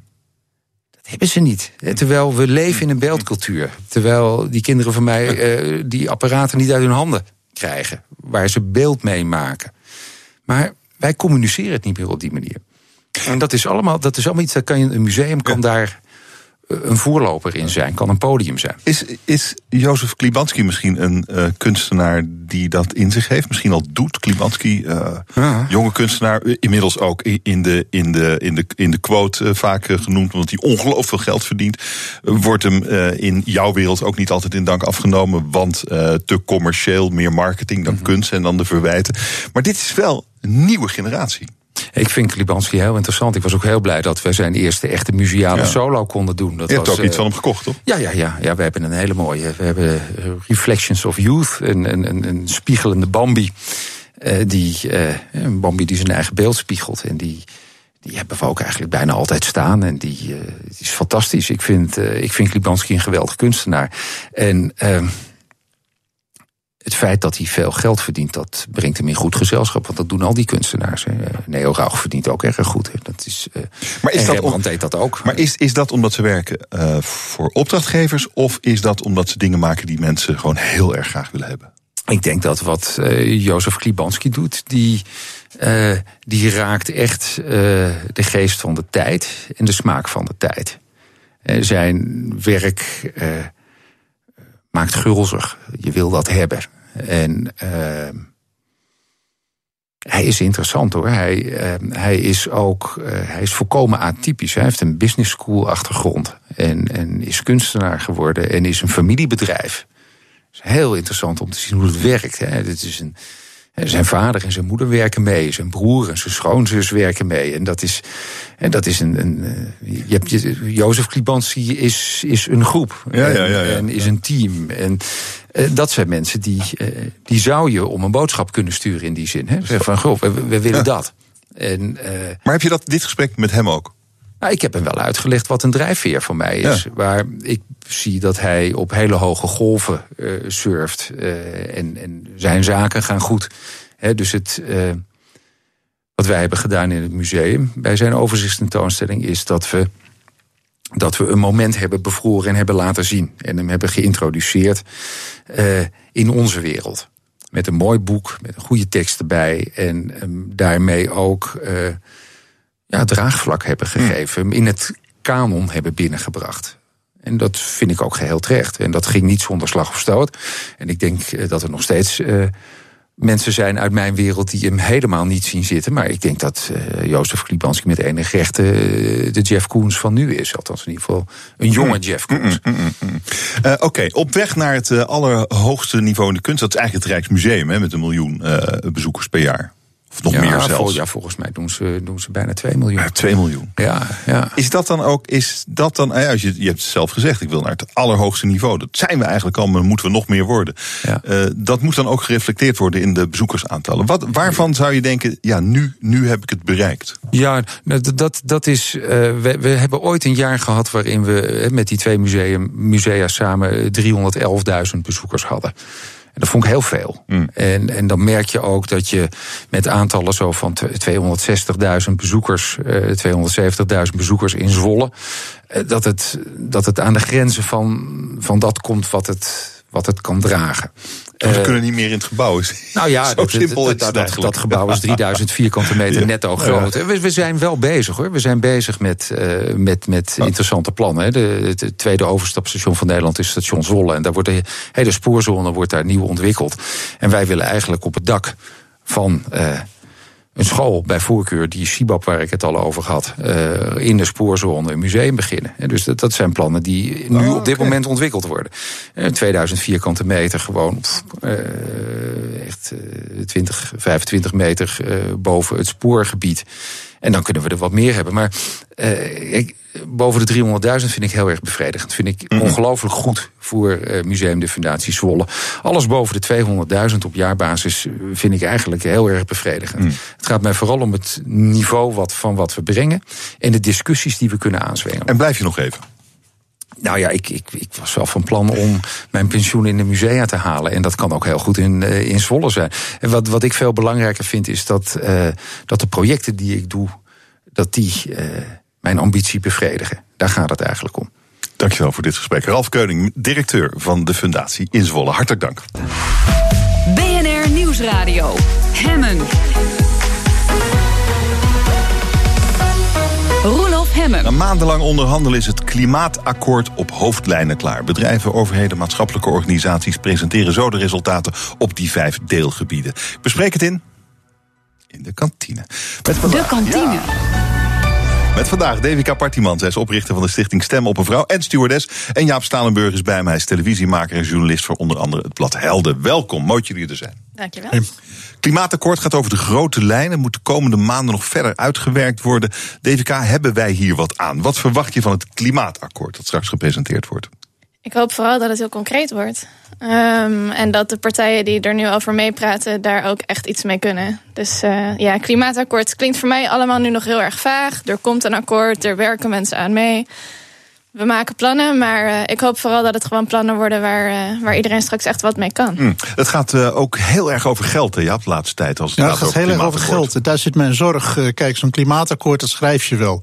Ik bedoel, papier is geduldig en zet de happy view en het bedrijfsleven bij elkaar en er komt vast wel een goed plan. Maar ik denk dat het grootste probleem gaat zitten in het creëren van draagvlak en betaalbaarheid. Ik, NSC heeft gisteren een factcheck gedaan op wat het verhaal is achter het duurzaamheidsakkoord. Dat 80% van de van de, wacht even, van de 100 grootste Nederland. Nee, hoe zit het nou? 80 procent. Het is een cijferverhaal. 80 procent van de, van de bedrijven in de top 100. Nee, 100 bedrijven. Nou, Nou ja, in doe maar even, doe maar even de strekking. Nee, ik ben, ik, ik ben 100 absoluut, grote bedrijven ik ben zijn verantwoordelijk alfa, dus voor 80% zo van de is het, ja. uitstoot. Dat was het. En als je dan straks vervolgens, kijk, dat duurzaamheidsakkoord gaat linksom en rechtsom geld kosten. Maar ga je nou straks een rekening leggen bij het bedrijfsleven? Of zeg je tegen een Ja. onderwijzer uit Tiel dat hij niet meer met Transavia naar de Costa Brava mag? Dat is wel een fundamenteel verschil. Ja. Want dat, daar ben ik, ik ben een beetje bang voor het financiële verhaal. Dat daar straks een sigaar uit een doos komt waar iedereen zich rot van schrikt.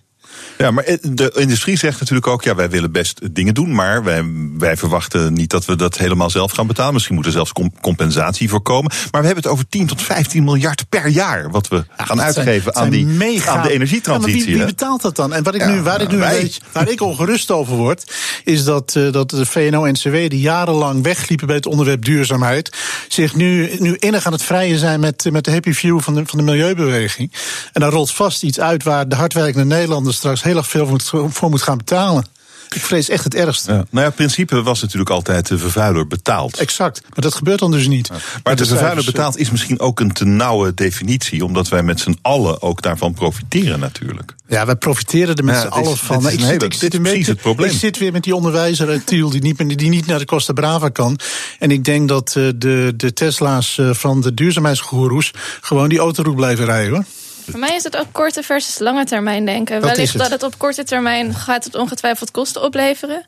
Maar op lange termijn, als je kijkt naar wat klimaatverandering kan veroorzaken, betekent dat ook dat we weer dijken gaan daar zijn we het over en eens. Er moet wat. Dus gebeuren. wel- Alleen wie betaalt de rekening? Dat is het verhaal. Ja, maar ook welke kosten haal je ermee weg uit de toekomst? Maar ja, wie betaalt? Zou dat de vraag moeten zijn? Ja. Ja, maar is dat dan Nou, eigenlijk niet je- veel te plat? je- Nee, maar wel als je die rekening presenteert van 10 tot 15 miljard. Ja. Die zal linksom rechtsom moeten worden betaald. Heel simpel. Ja, maar wij, wij, eh, er is toch wel. Jij, jij denkt toch ook wel dat die energietransitie nodig is? Die is hartstikke nodig. Alleen, het principe moet blijven de vervuiler betaalt. Ja, ja. En niet de hardwerkende Nederlander. Of allebei. Of allebei. Of allebei, of allebei op basis van redelijkheid. Wat er in, die, eh, in dat hele verhaal eh, eigenlijk niet is betrokken, David, is de luchtvaart. Jij bent stewardess. Eh, jij vliegt. Eh, de CO2-uitstoot van Nederlanders die in vliegtuigen stappen is af, af vorig jaar met 10% toegenomen. Ja, mensen vliegen steeds meer. Jij bent echt een ongelofelijke vervuiler. Althans, Ja. de industrie waar jij in werkt. Ja, absoluut. En dat is voor jou misschien ook best een beetje vreemd. Je verdient er je brood, je, vindt- je hebt een leuke baan. Eh, maar goed voor de wereld is het niet. Klopt. Nee, ik heb bijvoorbeeld ook wel collega's die dan specifiek op partijen gaan stemmen omdat zij Schiphol willen uitbreiden. Kijk, dat doe ik niet. Daar stem ik tegen. Dus voor mij is het, ja, het is mijn er werk, maar ik ben niet per se voor dat de lucht, Nee. luchtvaartindustrie maar alles moet kunnen doen wat ze willen. En een van de dingen waar ik me bijvoorbeeld zorgen over maak, er is geen belasting op kerosine voor Nederlandse maatschappijen. Vind ik heel vreemd. Weet je, dus dat soort dingen vliegen is heel goedkoop geworden, zeker bij kleinere maatschappijen. Ja, Ja, maar dit zijn, eh, dit zijn ja, dit is, is die onderwijzer uit Tiel, hè? Ja. Met al zijn Ja, collega's. ik, vind, ik, vind dat Ja. je, ik vind dat je echt de les van bijvoorbeeld de invoering van de euro is geweest. Dat je in dat soort metaforen wel moet gaan denken. Mhm. Want er is daardoor, eh, daar zijn allerlei trucs uitgehaald en uitleg gedaan. Dat zal wel fiscaal worden verrekend. En niemand ging erop achteruit. Uiteindelijk, door de invoering van de euro, dan maak ik het ook weer simpel. Hebben wij eh, hebben we in de horeca meegemaakt. De prijzen werden verdubbeld. Door de invoering van de, horeca, of van de euro is een waanzinnig wantrouwen ontstaan tegen de politieke instituties. En ik ben een beetje bang als je dat duurzaamheidsakkoord uitvoert. Zo met voor die 10, 15 miljard euro per jaar. Zoals ze nu voor ogen hebben. Dat je, dat je en weer in feite diezelfde botsingen weer Ja, krijgt. maar, maar die onderwijzer uit Tiel, die moet niet naar de Costa Brava willen. Die moet naar Texel willen. Die moet niet gaan vliegen. Dat is, dat is toch eigenlijk de les? Ja, maar als, die, al die- als alle onderwijzers uit Nederland naar Texel gaan, dan wordt het daar ook overbevolkt. En dan is er vast wel weer een mil- milieubewuste actiegroep. Die vindt dat er minder veerboten moeten gaan varen. Laten we, laten we nou dit duurzaamheidsakkoord niet gebruiken om elkaar, elkaar de maat te nemen en, te Oh. pesten. Maar gewoon Ja, maar het een kan in niet samen- redelijkheid dingen op te lossen. Ja, maar het een kan niet samen met het ander. We, kunnen, we begin- kunnen niet de, luchtvaart 10% per jaar laten groeien. En, Ja, natuurlijk en niet. Daar moet je- daar tegelijkertijd moet je de mee doen. energietransitie doen.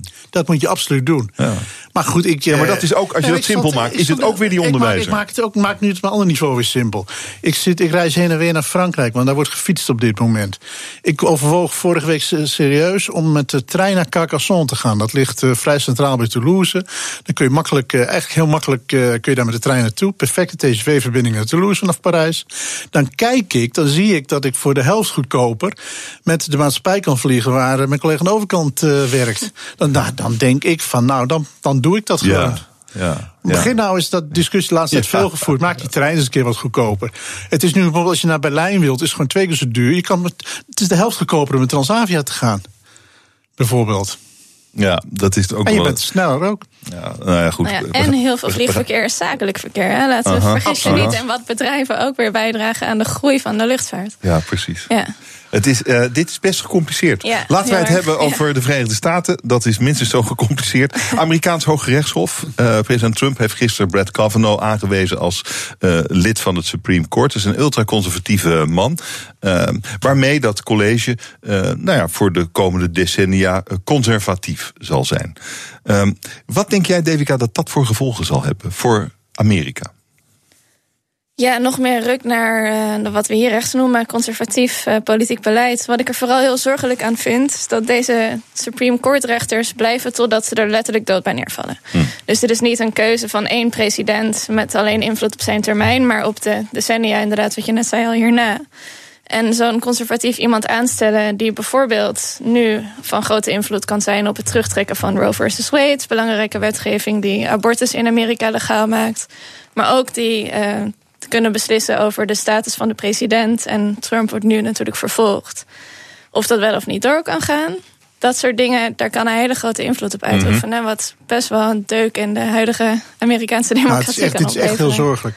En het vervelende is dat in de Amerikaanse, eh, zeg maar, mainstream Amerika hier ook zorgelijk tegenaan kijkt. Ik had vorige week eh, een vriendin op bezoek uit Californië, die notabene jarenlang de Tea Party, bepaald geen links gezelschap heeft geleid in Bakersfield, de, de favoriete eh, Californische city van, van Trump, notabene. Die maakt zich ook grote zorgen over dit soort ontwikkelingen. Kijk, het is alleen in Amerika is een beetje de stemming, als je daar rondloopt, waar je ook, in welke staat komt, van ja, dat Witte Huis is heel ver weg. Laten we alles maar decentraal proberen op te lossen. En deze, deze, deze, gek is over twee, drie jaar wel weg. Dat is echt de stemming in ieder geval links, maar ook een deel van rechts-Amerika. Wat ik vandaag een mooi nieuwtje vond, is dat eh, MBO-leerlingen eh, niet meer zelf de spullen hoeven te kopen die nodig zijn voor hun opleiding. Dus ze hoeven geen kapperscharen aan te schaffen, geen, geen gereedschappen, geen koksmessen als je kok wil worden, dat soort dingen. Eh, Ik dacht, ja, dat is eigenlijk best goed, want dat zijn hele Ja, dat uitgaven. Het is heel goed, dat, dat werkt drempelverlagend. Ja. Kijk, dit is toch een klasse die ook die nog wel eens, eh, laat zeggen, dit is nog wel eens een groep die nog wel eens dubt tussen spijbelen en, en, en gewoon de straat op of onderwijs volgen. En als je dit, dit, dit, dit soort drempelverlagende maatregelen neemt, dan heb je in al die MBO-opleidingen heb je wat minder problemen. Dat helpt natuurlijk voor mensen die, eh, om mensen te krijgen die wat kunnen met hun handen, wat wel fijn is. Dat ook nog, ja. Dat is heel fijn, ja. Ja. Ik, zou, ik miste ook wel een beetje het linkje naar bijvoorbeeld HBO en universiteit. Want Er zijn, worden vast ook wel kosten door studenten gemaakt die niet alleen boeken Maar die zijn. verdienen ze wat makkelijker terug na de tijd. Ja, dat is Oh ja. ook zo'n cliché inderdaad. Maar goed, dat is vast wel waar. Daar, daarom is het ook waar, Ja. waarschijnlijk. Ja. Maar het is een goede ontwikkeling, ja. Ja, ik weet niet. Het, het, de, de, het zijn wel de. Het is, het is wel een soort van. Ik, heb, heb jij ooit een technische opleiding gedaan? Of jij, Devika? Ik ben volkomen al. Ik kan helemaal niets met mijn handen en ik eh, Oh. ben slecht in rekenen. Dus ik val af bij deze vraag volkomen af. Je, je kan eigenlijk Ja. helemaal niks. Kan jij ik wat? kan niets. Ik kan zeker wat, maar ik kom van het HBO. Dus ik ben een praktisch, eh, maar dan productiematig opgeleid. Productiematig opgeleid. Wat is dat? Ja, evenementenproductie en zo, zeg maar. Een ander soort productie. Oh, oké. En moest Ja. je dan, eh, nee, dan moest je ook je eigen. eh, Daar heb je geen spullen voor nodig Nou ja, eigenlijk. misschien uh, goede werkschoenen met stalen neuzen en dat soort onzin. Ja. En kreeg, Ja. en kreeg je die ook? Nee, die kocht je zelf, ja.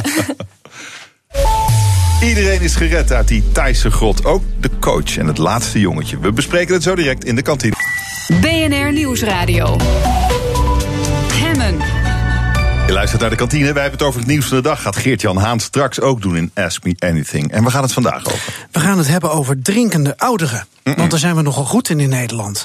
De hoogopgeleide 55-plusser die staat uh, op één op een Europese ranglijst als het gaat om alcoholgebruik. Okay. En dat uh, bericht dat komt van het uh, Sociaal Cultureel Planbureau. We hebben een vergelijkend warenonderzoek gedaan naar alle ouderen in Europa. En um, ben je 55 jaar of ouder, dan zit je in Nederland dus goed aan de drank. De sherry-generatie, zeg maar. ik weet niet hoe oud jij bent, Jaap. Nou, ik ben, ik ben, dus, ik ben van de sherry-generatie. Oké, okay, dus je, je herkent het een nou, beetje. Nou, ik herken het voorkomen. Nee, maar ik, ik merk het wel. Kijk, je merkt dat met name een bepaalde groep, uh, wat nog ouder dan dat, gepensioneerden, heeft alle tijd van de wereld. En ik zie die dametjes, ik zie het zijn vooral dames, die zitten dan de hele middag aan wijn en sherry te nippen. Dat is soms een heel leuk gezicht in de kroeg. Ik wil je ik programma... Vind het, ik vind het maar dan ben, dan ben jij jongens, dus ook in die kroeg. Jongens, ik ben, kom ook wel in de kroeg. Ik maak er nou eens gewoon, dit, dit zijn de normale dingen. Maak daar nou niet weer een probleem van onderzoek sociaal cultureel planbureau. Het is hartstikke slecht voor je alcohol. Joh, alsjeblieft. Oh, alsjeblieft. Ja, we gaan er toch een uur over praten, ja. Je hoeft niet te luisteren. Jongens, het is gezellig. Roelof, ik wil je programma niet overnemen. Dus even kort nog, mensen kunnen meepraten, kunnen bellen. Uh, ik beloof dat uh, Jaap niet zal bellen. Dus dan uh, kunnen de vragen terecht bij andere experts. 020 gaan we hier, gaan we hier tegen zijn dan? Nee, tegen gezelligheid? We gaan nergens tegen zijn. Ja, maar doe, doe je telefoonnummer we maar, hebben experts die, uh, die over gezelligheid en over de schade kunnen praten. 020 468 4x0 live meepraten tussen 2 en 3. Ask me anything. Succes. Haan, Sterkte met, we, dankjewel. met de mensen. Uh, wij praten verder met de mensen in de kantine. Jaap Stalenburg is hier, tv-maker, journalist... voor bijvoorbeeld Sportblad Helden. En Devika Partiman, oprichter van de stichting Stem op een Vrouw en Stewardess. Uh, ja, dat drinken... Jij, jij, sloeg hier enorm op aan, ik, ik, word hier, ik word van dit land af en toe gek. We zijn van regeltjes, processen, procedures, onderzoeken. dit is van alle tijden, jongens. Ik woonde in de jaren tachtig in Den Haag. En daar had je allemaal van die Indische dametjes... die zaten de hele dag op het terras met de en de wijn en de wijn. En af en toe pikten ze een jonge man op, die hadden de tijd van hun leven. Ik wil, waarom moet nou alles wat leuk is meteen onderwerp zijn van onderzoek van het Sociaal Cultureel Planbureau? En er is vast wel ergens op universiteit weer een van de idioot die roept dat het slecht is voor de gezondheid. En dat we steeds meer drinken. Jongens, stop ermee. Oh. Laten we nou gewoon eens een beetje begon. Laten we gewoon eens een lol hebben in dit land. Um, nou, Alle kijk, sportscholen dicht, weg met nee, gezond nee. eten. Devika, jij bent niet van de sherry-generatie. Nee, jongens, Uh, sta hoe- hier in mijn sportoutfit. Ik, ik zie het, ja. Nee, maar dat is Uh, iets anders. Kijk, maar hoe, ki- hoe, kijk jij, hoe kijk jij naar dit verhaal? Dat 55-plussers het meeste drinken van heel Europa. maar is het een je, probleem? en je moet het natuurlijk gewoon lekker doen als je daar behoefte aan hebt. Maar tegelijkertijd vind ik het helemaal niet erg dat we erkennen in Nederland dat het een onwijze drankcultuur is. Laten we wel weten. Ik vind dat af en toe best raar. Wat vind je er raar aan? Ehm, ja, dat het inderdaad eigenlijk wat Jaap net zei van doe even gezellig. Ja, dat kan toch ook zonder. Jongens, het is prima als jij het gezellig vindt, maar niet iedereen hoeft het te vinden. Weet je wat ik vererg en dat vind? is wel, dat vind ik een beetje het gekke eraan. Ja, het is Weet prima dat de ene vind doet, maar laat het ook oké zijn als iemand het niet wil of als Nee, iemand mag. zegt, hey, ik nee, vind mag, het niet goed. Nee, mag. Ja. Maar weet je wat ik veel ergens vind? Als ik bij een tankstation kom met mijn auto. En ik tank, reken af. En dan is er altijd een meneer of een mevrouw die mij dit een mars van een halve meter probeert aan te smeren. Oh ja. Die op ooghoogte liggen. Daar hoor ik nou niets over. Laat het Sociaal Cultureel Plan. niet. Nee, maar laat het Sociaal Cultureel Planbureau nou eens onderzoeken wat dat voor effect heeft. Neem jij, neem jij die ook mee dan? Ik niet. Kijk wel Oké, uit. ja, nou goed. Het, eh, Maar een wijntje in de kroeg als je wat ouder bent, jongens. Of kom bij het tankstation. het enige wat we nog hebben. Oké, nou goed. Die Thaise grot. eh, iedereen is gered. Ja, wauw. Nou, fijn, goed nieuws. Het laatste jongetje en de coach zijn er ook uit. Het betekent dat iedereen eruit is, maar die ene duiker... die heeft het wel met zijn leven moeten En bekomen. daar heeft ja, ik niemand voel het de meer over. hè? speelfilm aankomen.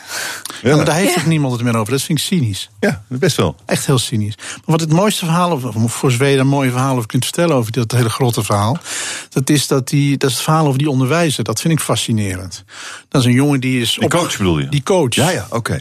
Die is opgegroeid in een klooster. Die was gewend om daar twee uur per dag te mediteren. Eh, Als een soort wees heeft hij in een, in een, in een klooster gewoond. En die heeft dus daar, de afgelopen, omdat ze bijna 14 dagen gezeten hebben. Die heeft met die jongens dagelijks, heeft ze via meditatie tot rust gebracht.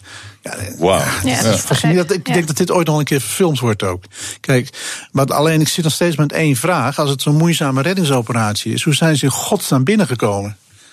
Dat blijft mij. Hmm. Hoe zijn ze op die plaats gekomen waar ze uiteindelijk gered moesten worden? Ja, ik denk niet dat, Dat ze een moet ook een camera hele mee hebben genomen. Nee. Waar, waar, waarom, weet jij waarom ons dit zo fascineert? Het is een schitterend eh, mediaverhaal. Een enorm goed tv-verhaal. Over En niet over die Nieuws. honderd Ik doden in Japan van vanuit gisteren. mezelf Hebben we het zeggen, nou Niet, Nee. totaal niet. Kijk, het verhaal was dat het een duik van negen uur was naar die grot. En weet ik, dus soort van voor mij, toen ik erover las, was het soort van: jeetje, dat die duikers dat nog voor andere mensen over hebben. Hmm.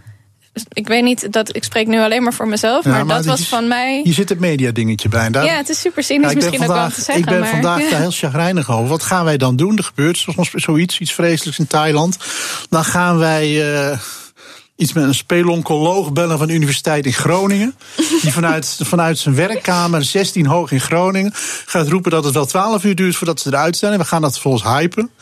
Kijk, ik denk dat de media hier. Kijk, dit is een reddingsoperatie, die is best ingewikkeld. Maar door al die deskundige logen van over de hele wereld die er ook wat van vonden, werd het bijna Mission Impossible. Ja, Ja. Het water, als het water dan twee centimeter zou gaan stijgen, riep weer een andere deskundige loog in Maastricht. Dan kon het zomaar zijn dat ze niet uit zouden kunnen komen. Ik werd, daar, ik werd vooral moe van de media. Ik denk dat de media gewoon moet ophouden, moeten ze beperken tot de feiten. Oh. En wat er ter plekke wordt meegedeeld, ter plekke onderzoek doen. En niet met al die idioten van de universiteit, al die gepatenteerde ijdeltuiten, zich over dit soort zaken laten uit. Van die Dat mensen noemen die we toch alleen maar duiding. drinken. Ja, duidelijk. Meestal is, meestal, is het flauw, meestal is het echt flauwekul.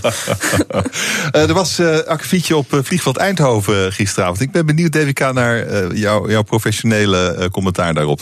Er stonden vliegtuigen lang aan de grond en die mensen in die vliegtuigen moesten daar urenlang blijven wachten. In een vliegtuig ging op een gegeven moment gingen de, gingen de motoren uit, daarmee ook de airconditioning. Ehm, wa- Waarom mo- moeten mensen in zo'n vliegtuig blijven zitten wachten in de hitte en de warmte zonder dat ze weten wanneer het afloopt? En dan duurt het misschien wel uren. En jij moet daar dan ook bij blijven als stewardess Ja. natuurlijk. Dat lijkt me echt verschrikkelijk. Vet irritant. Ja, het gebeurt best wel vaak. Ja. Ehm, dat je gewoon eventjes moet wachten. En dat eventjes kan best opeens best nog wel lang duren. Eh, in dit geval was er een bommelding bij een andere kust, een ander vliegtuig, waardoor ze eh, nog niet naar de desbetreffende gate konden. En het vluchtverkeer is dan vaak zo dicht gepakt dat er ook niet even snel naar een andere gate kan worden uitgewoken. En ehm, waarom je dan zo lang moet blijven staan, is eh, er zijn. Ja, iemand in dat artikel van de Telegraaf zei ook van het voelde heel, onprofessioneel. We werden niet op de hoogte gehouden. Hadden ze niet gewoon een paar bussen er naartoe kunnen rijden om Nou ons ja. eruit te laten. Maar er zijn allemaal veiligheidsprotocollen voor. Stel er is een bommelding en degene die dat heeft gedaan zit in dat vliegtuig die daar staat. Het, is, het heeft allemaal te maken met Oh, iedereen moet ja. blijven zitten waar ze zitten. Zodat als ze erachter komen wie het heeft gedaan, dat, ze diegene, dat diegene niet al met de bus naar huis is, bij wijze van. Oh, dat is het idee erachter. Denk ik. Heeft er ongetwijfeld Ja, ja. mee te maken. Ja, en Maar wat- daarnaast, ja. Maar hoe doe je, jij dat? Als, want je krijgt allemaal ontevreden mensen. Die, gaan, die aan jou gaan vragen: wanneer gaan we weg, mevrouw? Ja, wij weten vaak Niks. helemaal niks. De enige die op de hoogte wordt gehouden is de cockpit. Dat zijn vaak niet echt praters. Die horen ook niet heel veel. Dus, eh, maar het is wel, ik, denk, ik zie wel vaker bij, eh, bij de cockpit echt de noodzaak om meer te communiceren. Mensen zijn het zo gewend nu dat ze van alles begrijpen waarom. Dat ze constant op de hoogte worden gehouden. En dat ze constant kunnen opzoeken wat Ja. er aan de hand is. In een vliegtuig kan dat niet. Dat zijn mensen gewoon niet meer gewend. Dus ik denk wel dat de luchtvaart daarin mee moet gaan. En vaker en beter mensen moet updaten. Ja, vertel Ook het al is even. Mhm. het met alleen maar, sorry, het is nu een half uur later, we weten nog steeds niks. Dan word je in ieder geval op de hoogte gehouden. Beter. Geef die mensen gewoon een broodje en een flesje water. Precies, ja, dat doen we natuurlijk sowieso. Ja, dat Maar was ik in heb dit wel eens geval met ook de wel KLM gebeurd. boven Moskou gevlogen. Toen twee uur lang boven Moskou rondgevlogen. Toen Ah, ja. brak dat ook hoor. Ja, nee, we hebben geen extra eten aan boord. Dus als het op Ja, is, is het op. Ja. Wijntje, Ja. lekker, gewoon een wijntje voor Jaap. Ja, dat is goed. zodat er nog Ja, nee, net die drie stoelen extra bij konden. studieproject. Nee, ik kijk luister dat wijntje. Want dan zit ik in het programma van Geert-Jan Haan. En dan ben ik een studieobject van het Sociaal. Cultureel Planbureau. Liever niet. Eh, er was, eh, er was, jij, jij, jij vertelde al, Jaap, je bent eh, regelmatig bij de Tour nu. Ja. Eh, de, de wetenschap en de Tour de France. Ja, hè? ik- Die windtunnel met eh, team Sun, Sunweb. Ik vind het fantastisch. Leg eens uit wat, wat, hier, Nou, wat kijk, hier gebeurd is. Er is, er, is, er is iets anders. Het begint bij de verandering in sportsponsoring. Het logo op die arm is niet meer belangrijk. Waar de, wat het bedrijfsleven nu zoekt, is partnerships met de sport. Nou, bijvoorbeeld een bedrijf als DSM heeft zich heel nauw verbonden aan het team Sunweb. Dat betekent dat ze voortdurend eigenlijk samen met de Technische Universiteit in Delft allerlei nieuwe ontwikkelingen aan het testen zijn. Die jongens die staan non-stop in de windtunnel om de perfecte zit te krijgen op de fiets. De beste wielentraining, noem maar op. En wat je nu ziet is dat dat bij Sunweb, wat, wat een ploeg is met hoge ambities, maar niet van het niveau Sky, dat het zijn vrucht afwerpt. De enige topper die gisteren eh, nauwelijks verloren heeft eh, op, op, op BMC, op, dat, was, eh, dat was Tom Dumoulin. Die staat er van alle toppers op dit moment relatief het beste voor. En niet omdat hij in de beste en duurste ploeg zit, maar in de slimste ploeg. Die hele, hele handige, heel handig gewoon pakt sluit met het bedrijfsleven. Jongens, laten we samen gaan werken. Laten we samen dit project ontwikkelen, want met die kennis van ons kunnen jullie ook weer verder. Ik weet dat DSM bijvoorbeeld voor diezelfde Sunweb-ploeg een soort eh, crashbroeken heeft eh, ontworpen, die gewoon bij een val gewoon zorgen dat je niet helemaal open, openschaft. Kijk, en dat zijn ontwikkelingen waar vervolgens DSM ook weer wat mee kan. Voor iedere Nederlander die wel eens voor zijn lol op de fiets zit. of mensen die in bepaalde bedrijfstakken werken. Het is een hartstikke interessante ontwikkeling. waarin de media heel weinig over bericht wordt. maar waar Nederland internationaal. we hebben jarenlang voorop gelopen in doping. maar we hebben nu, als het gaat om prestatiebevordering. lopen we echt voorop als het gaat om innovatie en wetenschappelijke kennis. Ja, en jij... Ik vind dat wat onderbelicht, moet ik eerlijk zeggen, in de media. Maar het, jij staat er wel leuk met je neus bovenop ja, over die tour. Dat is toch best leuk. Wanneer ga je weer? Ja, ik ga, ik vertrek overmorgen weer. En, ik vind het echt fascinerend. En waar blijf je niet de hele tijd? Nou, omdat ik, uh, kijk, als je op het moment dat je, mijn tijd dat ik bij RTL heb ik tien jaar lang naartoe gedaan, was ik in mhm. vaste dienst en dan uh, wordt ja. alles keurig, wordt door de hotel keurig betaald. In die tijd mochten we bijna onbeperkt declareren bij RTL. Die tijd is ook voorbij. Maar ik ben nu ZZP'er. Ik moet nog twintig andere dingen doen. Dus op het moment dat het mm. niet meer nodig is, eh, dan ga ik weer terug. En waarom ga je dan overmorgen? Wat is er dan interessant? Ja, dan gaan we naar Noord-Frankrijk. Ik denk dat de Tour wel eens eind van de week eh, voor een belangrijk deel beslist kan zijn op de kasseien tussen Arras en Roubaix. De kasseien van Parijs-Roubaix. Het wordt een fascinerende week. Hmm. Hmm. En op wie zet jij je geld? Ja, ik uh, begon allemaal, ook ook weer de media en de deskundige logen. Het begon allemaal heel hysterisch over Froome. En toen die storm wat geluwd was, heb ik de eerste bordjes al langs het parcours zien staan van Fransen met Allez Froome. En is het gewoon weer business as usual. En rijdt uh, Froome uh, vrij onbedreigd door Frankrijk. En ik denk eigenlijk dat Froome, ook met de ploeg om, om zich heen, dat hij echt wel de beste papieren heeft. Maar ik hou stiekem toch ook wel rekening met Tom Dumoulin. Alleen, ja, Tom Dumoulin heeft één heel groot nadeel. Dat hij, hij is een fantastische klimmer. Hij klimt net even iets minder dan aan Froome en de Fransman Bardet. En dat wordt dus een echte concurrent. Ja, dus we hoeven eigenlijk niet meer te kijken, Froome. Jawel. Oh, okay. nou, nee. juist, juist kijken, want het is altijd fascinerend. Um, uh, uitgeverij Kluitman gaat een kinderboek uit de markt halen. Het heet Suriname, Here We Come. Het zou discriminerend zijn, Devika. Wat is hier aan de hand? Is het een oud boek trouwens?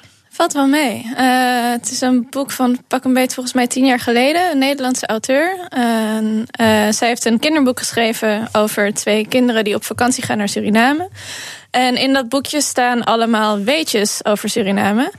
En daar zit hem het discriminerende in. Er staan allemaal hele. Ik ben half Surinaams, ik kan het hopelijk een beetje weten. Er staan hele absurde weetjes in. Zoals: wist je dat in Suriname allemaal dode honden langs de weg liggen. die mensen dan trappen om te kijken hoe ze creperen?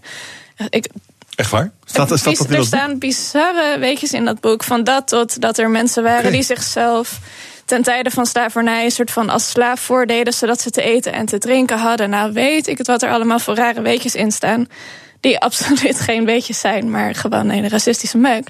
Maar wie heeft dat bedacht dan? Ja, Sanne. Sanne, de auteur. Ik weet even de achternaam niet meer. Ik denk dat Sanne van... iemand is die anoniem. Ik denk dat Sanne zo iemand is die anoniem op Twitter aan over het moppert over het onrecht in de wereld. Nou ja, het is een aantal jaar geleden al een keer aangekaart. En um, toen heeft zij gereageerd met dat ze Surinamers had, had gevonden die blijkbaar zoiets tegen haar hadden gezegd. Waarbij ze het een beetje liet. Uh, nu hebben hm. gelukkig een aantal bibliotheken en ook de uitgeverij gezegd van sorry, we gaan echt nog even kijken of we hem echt niet nog even mag hebben. Mag je tegenvragen? Kijk, eh, de uitgever Kluitman, het fascineert me wel. Ik ben van de generatie die opgegroeid is met. Wij lazen wel eens boek als de AFC'ers, weet jij dat nog? AFC, ja, ik was wel van de chameleon. Volgens mij ook van Kluitman. Nee, Kluitman, maar ook de, de Katjangs. En daar werd toch ook een soort, uh, laten we zeggen, daar werden, werden meningen geventileerd over nou zeg een uh, slavernij, noem maar op, en uh, ons voormalig Indië, waarvan ik ook nog met terugwerkende kracht wel denk van dat zou niet meer door de politiek correcte molen komen. Mhm. Als die boeken nu nog bij de slechte liggen, zou die er dan uit moeten? Zou er een soort zuivering moeten komen van dat soort boeken? lessen in staan, ja, tuurlijk.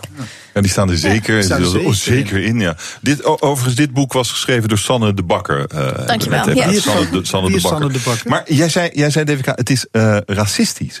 Uh, is het racistisch of is het gewoon uh, uh, slecht geïnformeerde flauwekul? Ik vind dat, dat, dat is wel, dat is wel een, een, belangrijk verschil. Nou ja, ik denk wat eronder ligt. Voel jij het als racisme, als half Surinaamse? Uh, ja, hoewel er natuurlijk allerlei verschillende groepen in Suriname wonen. Dus misschien is het dan discriminatie het betere woord nu. Maar hmm. het voelt wel degelijk zo. Omdat ik denk, ik, als je zo klakkeloos dat soort dingen aanneemt of opschrijft.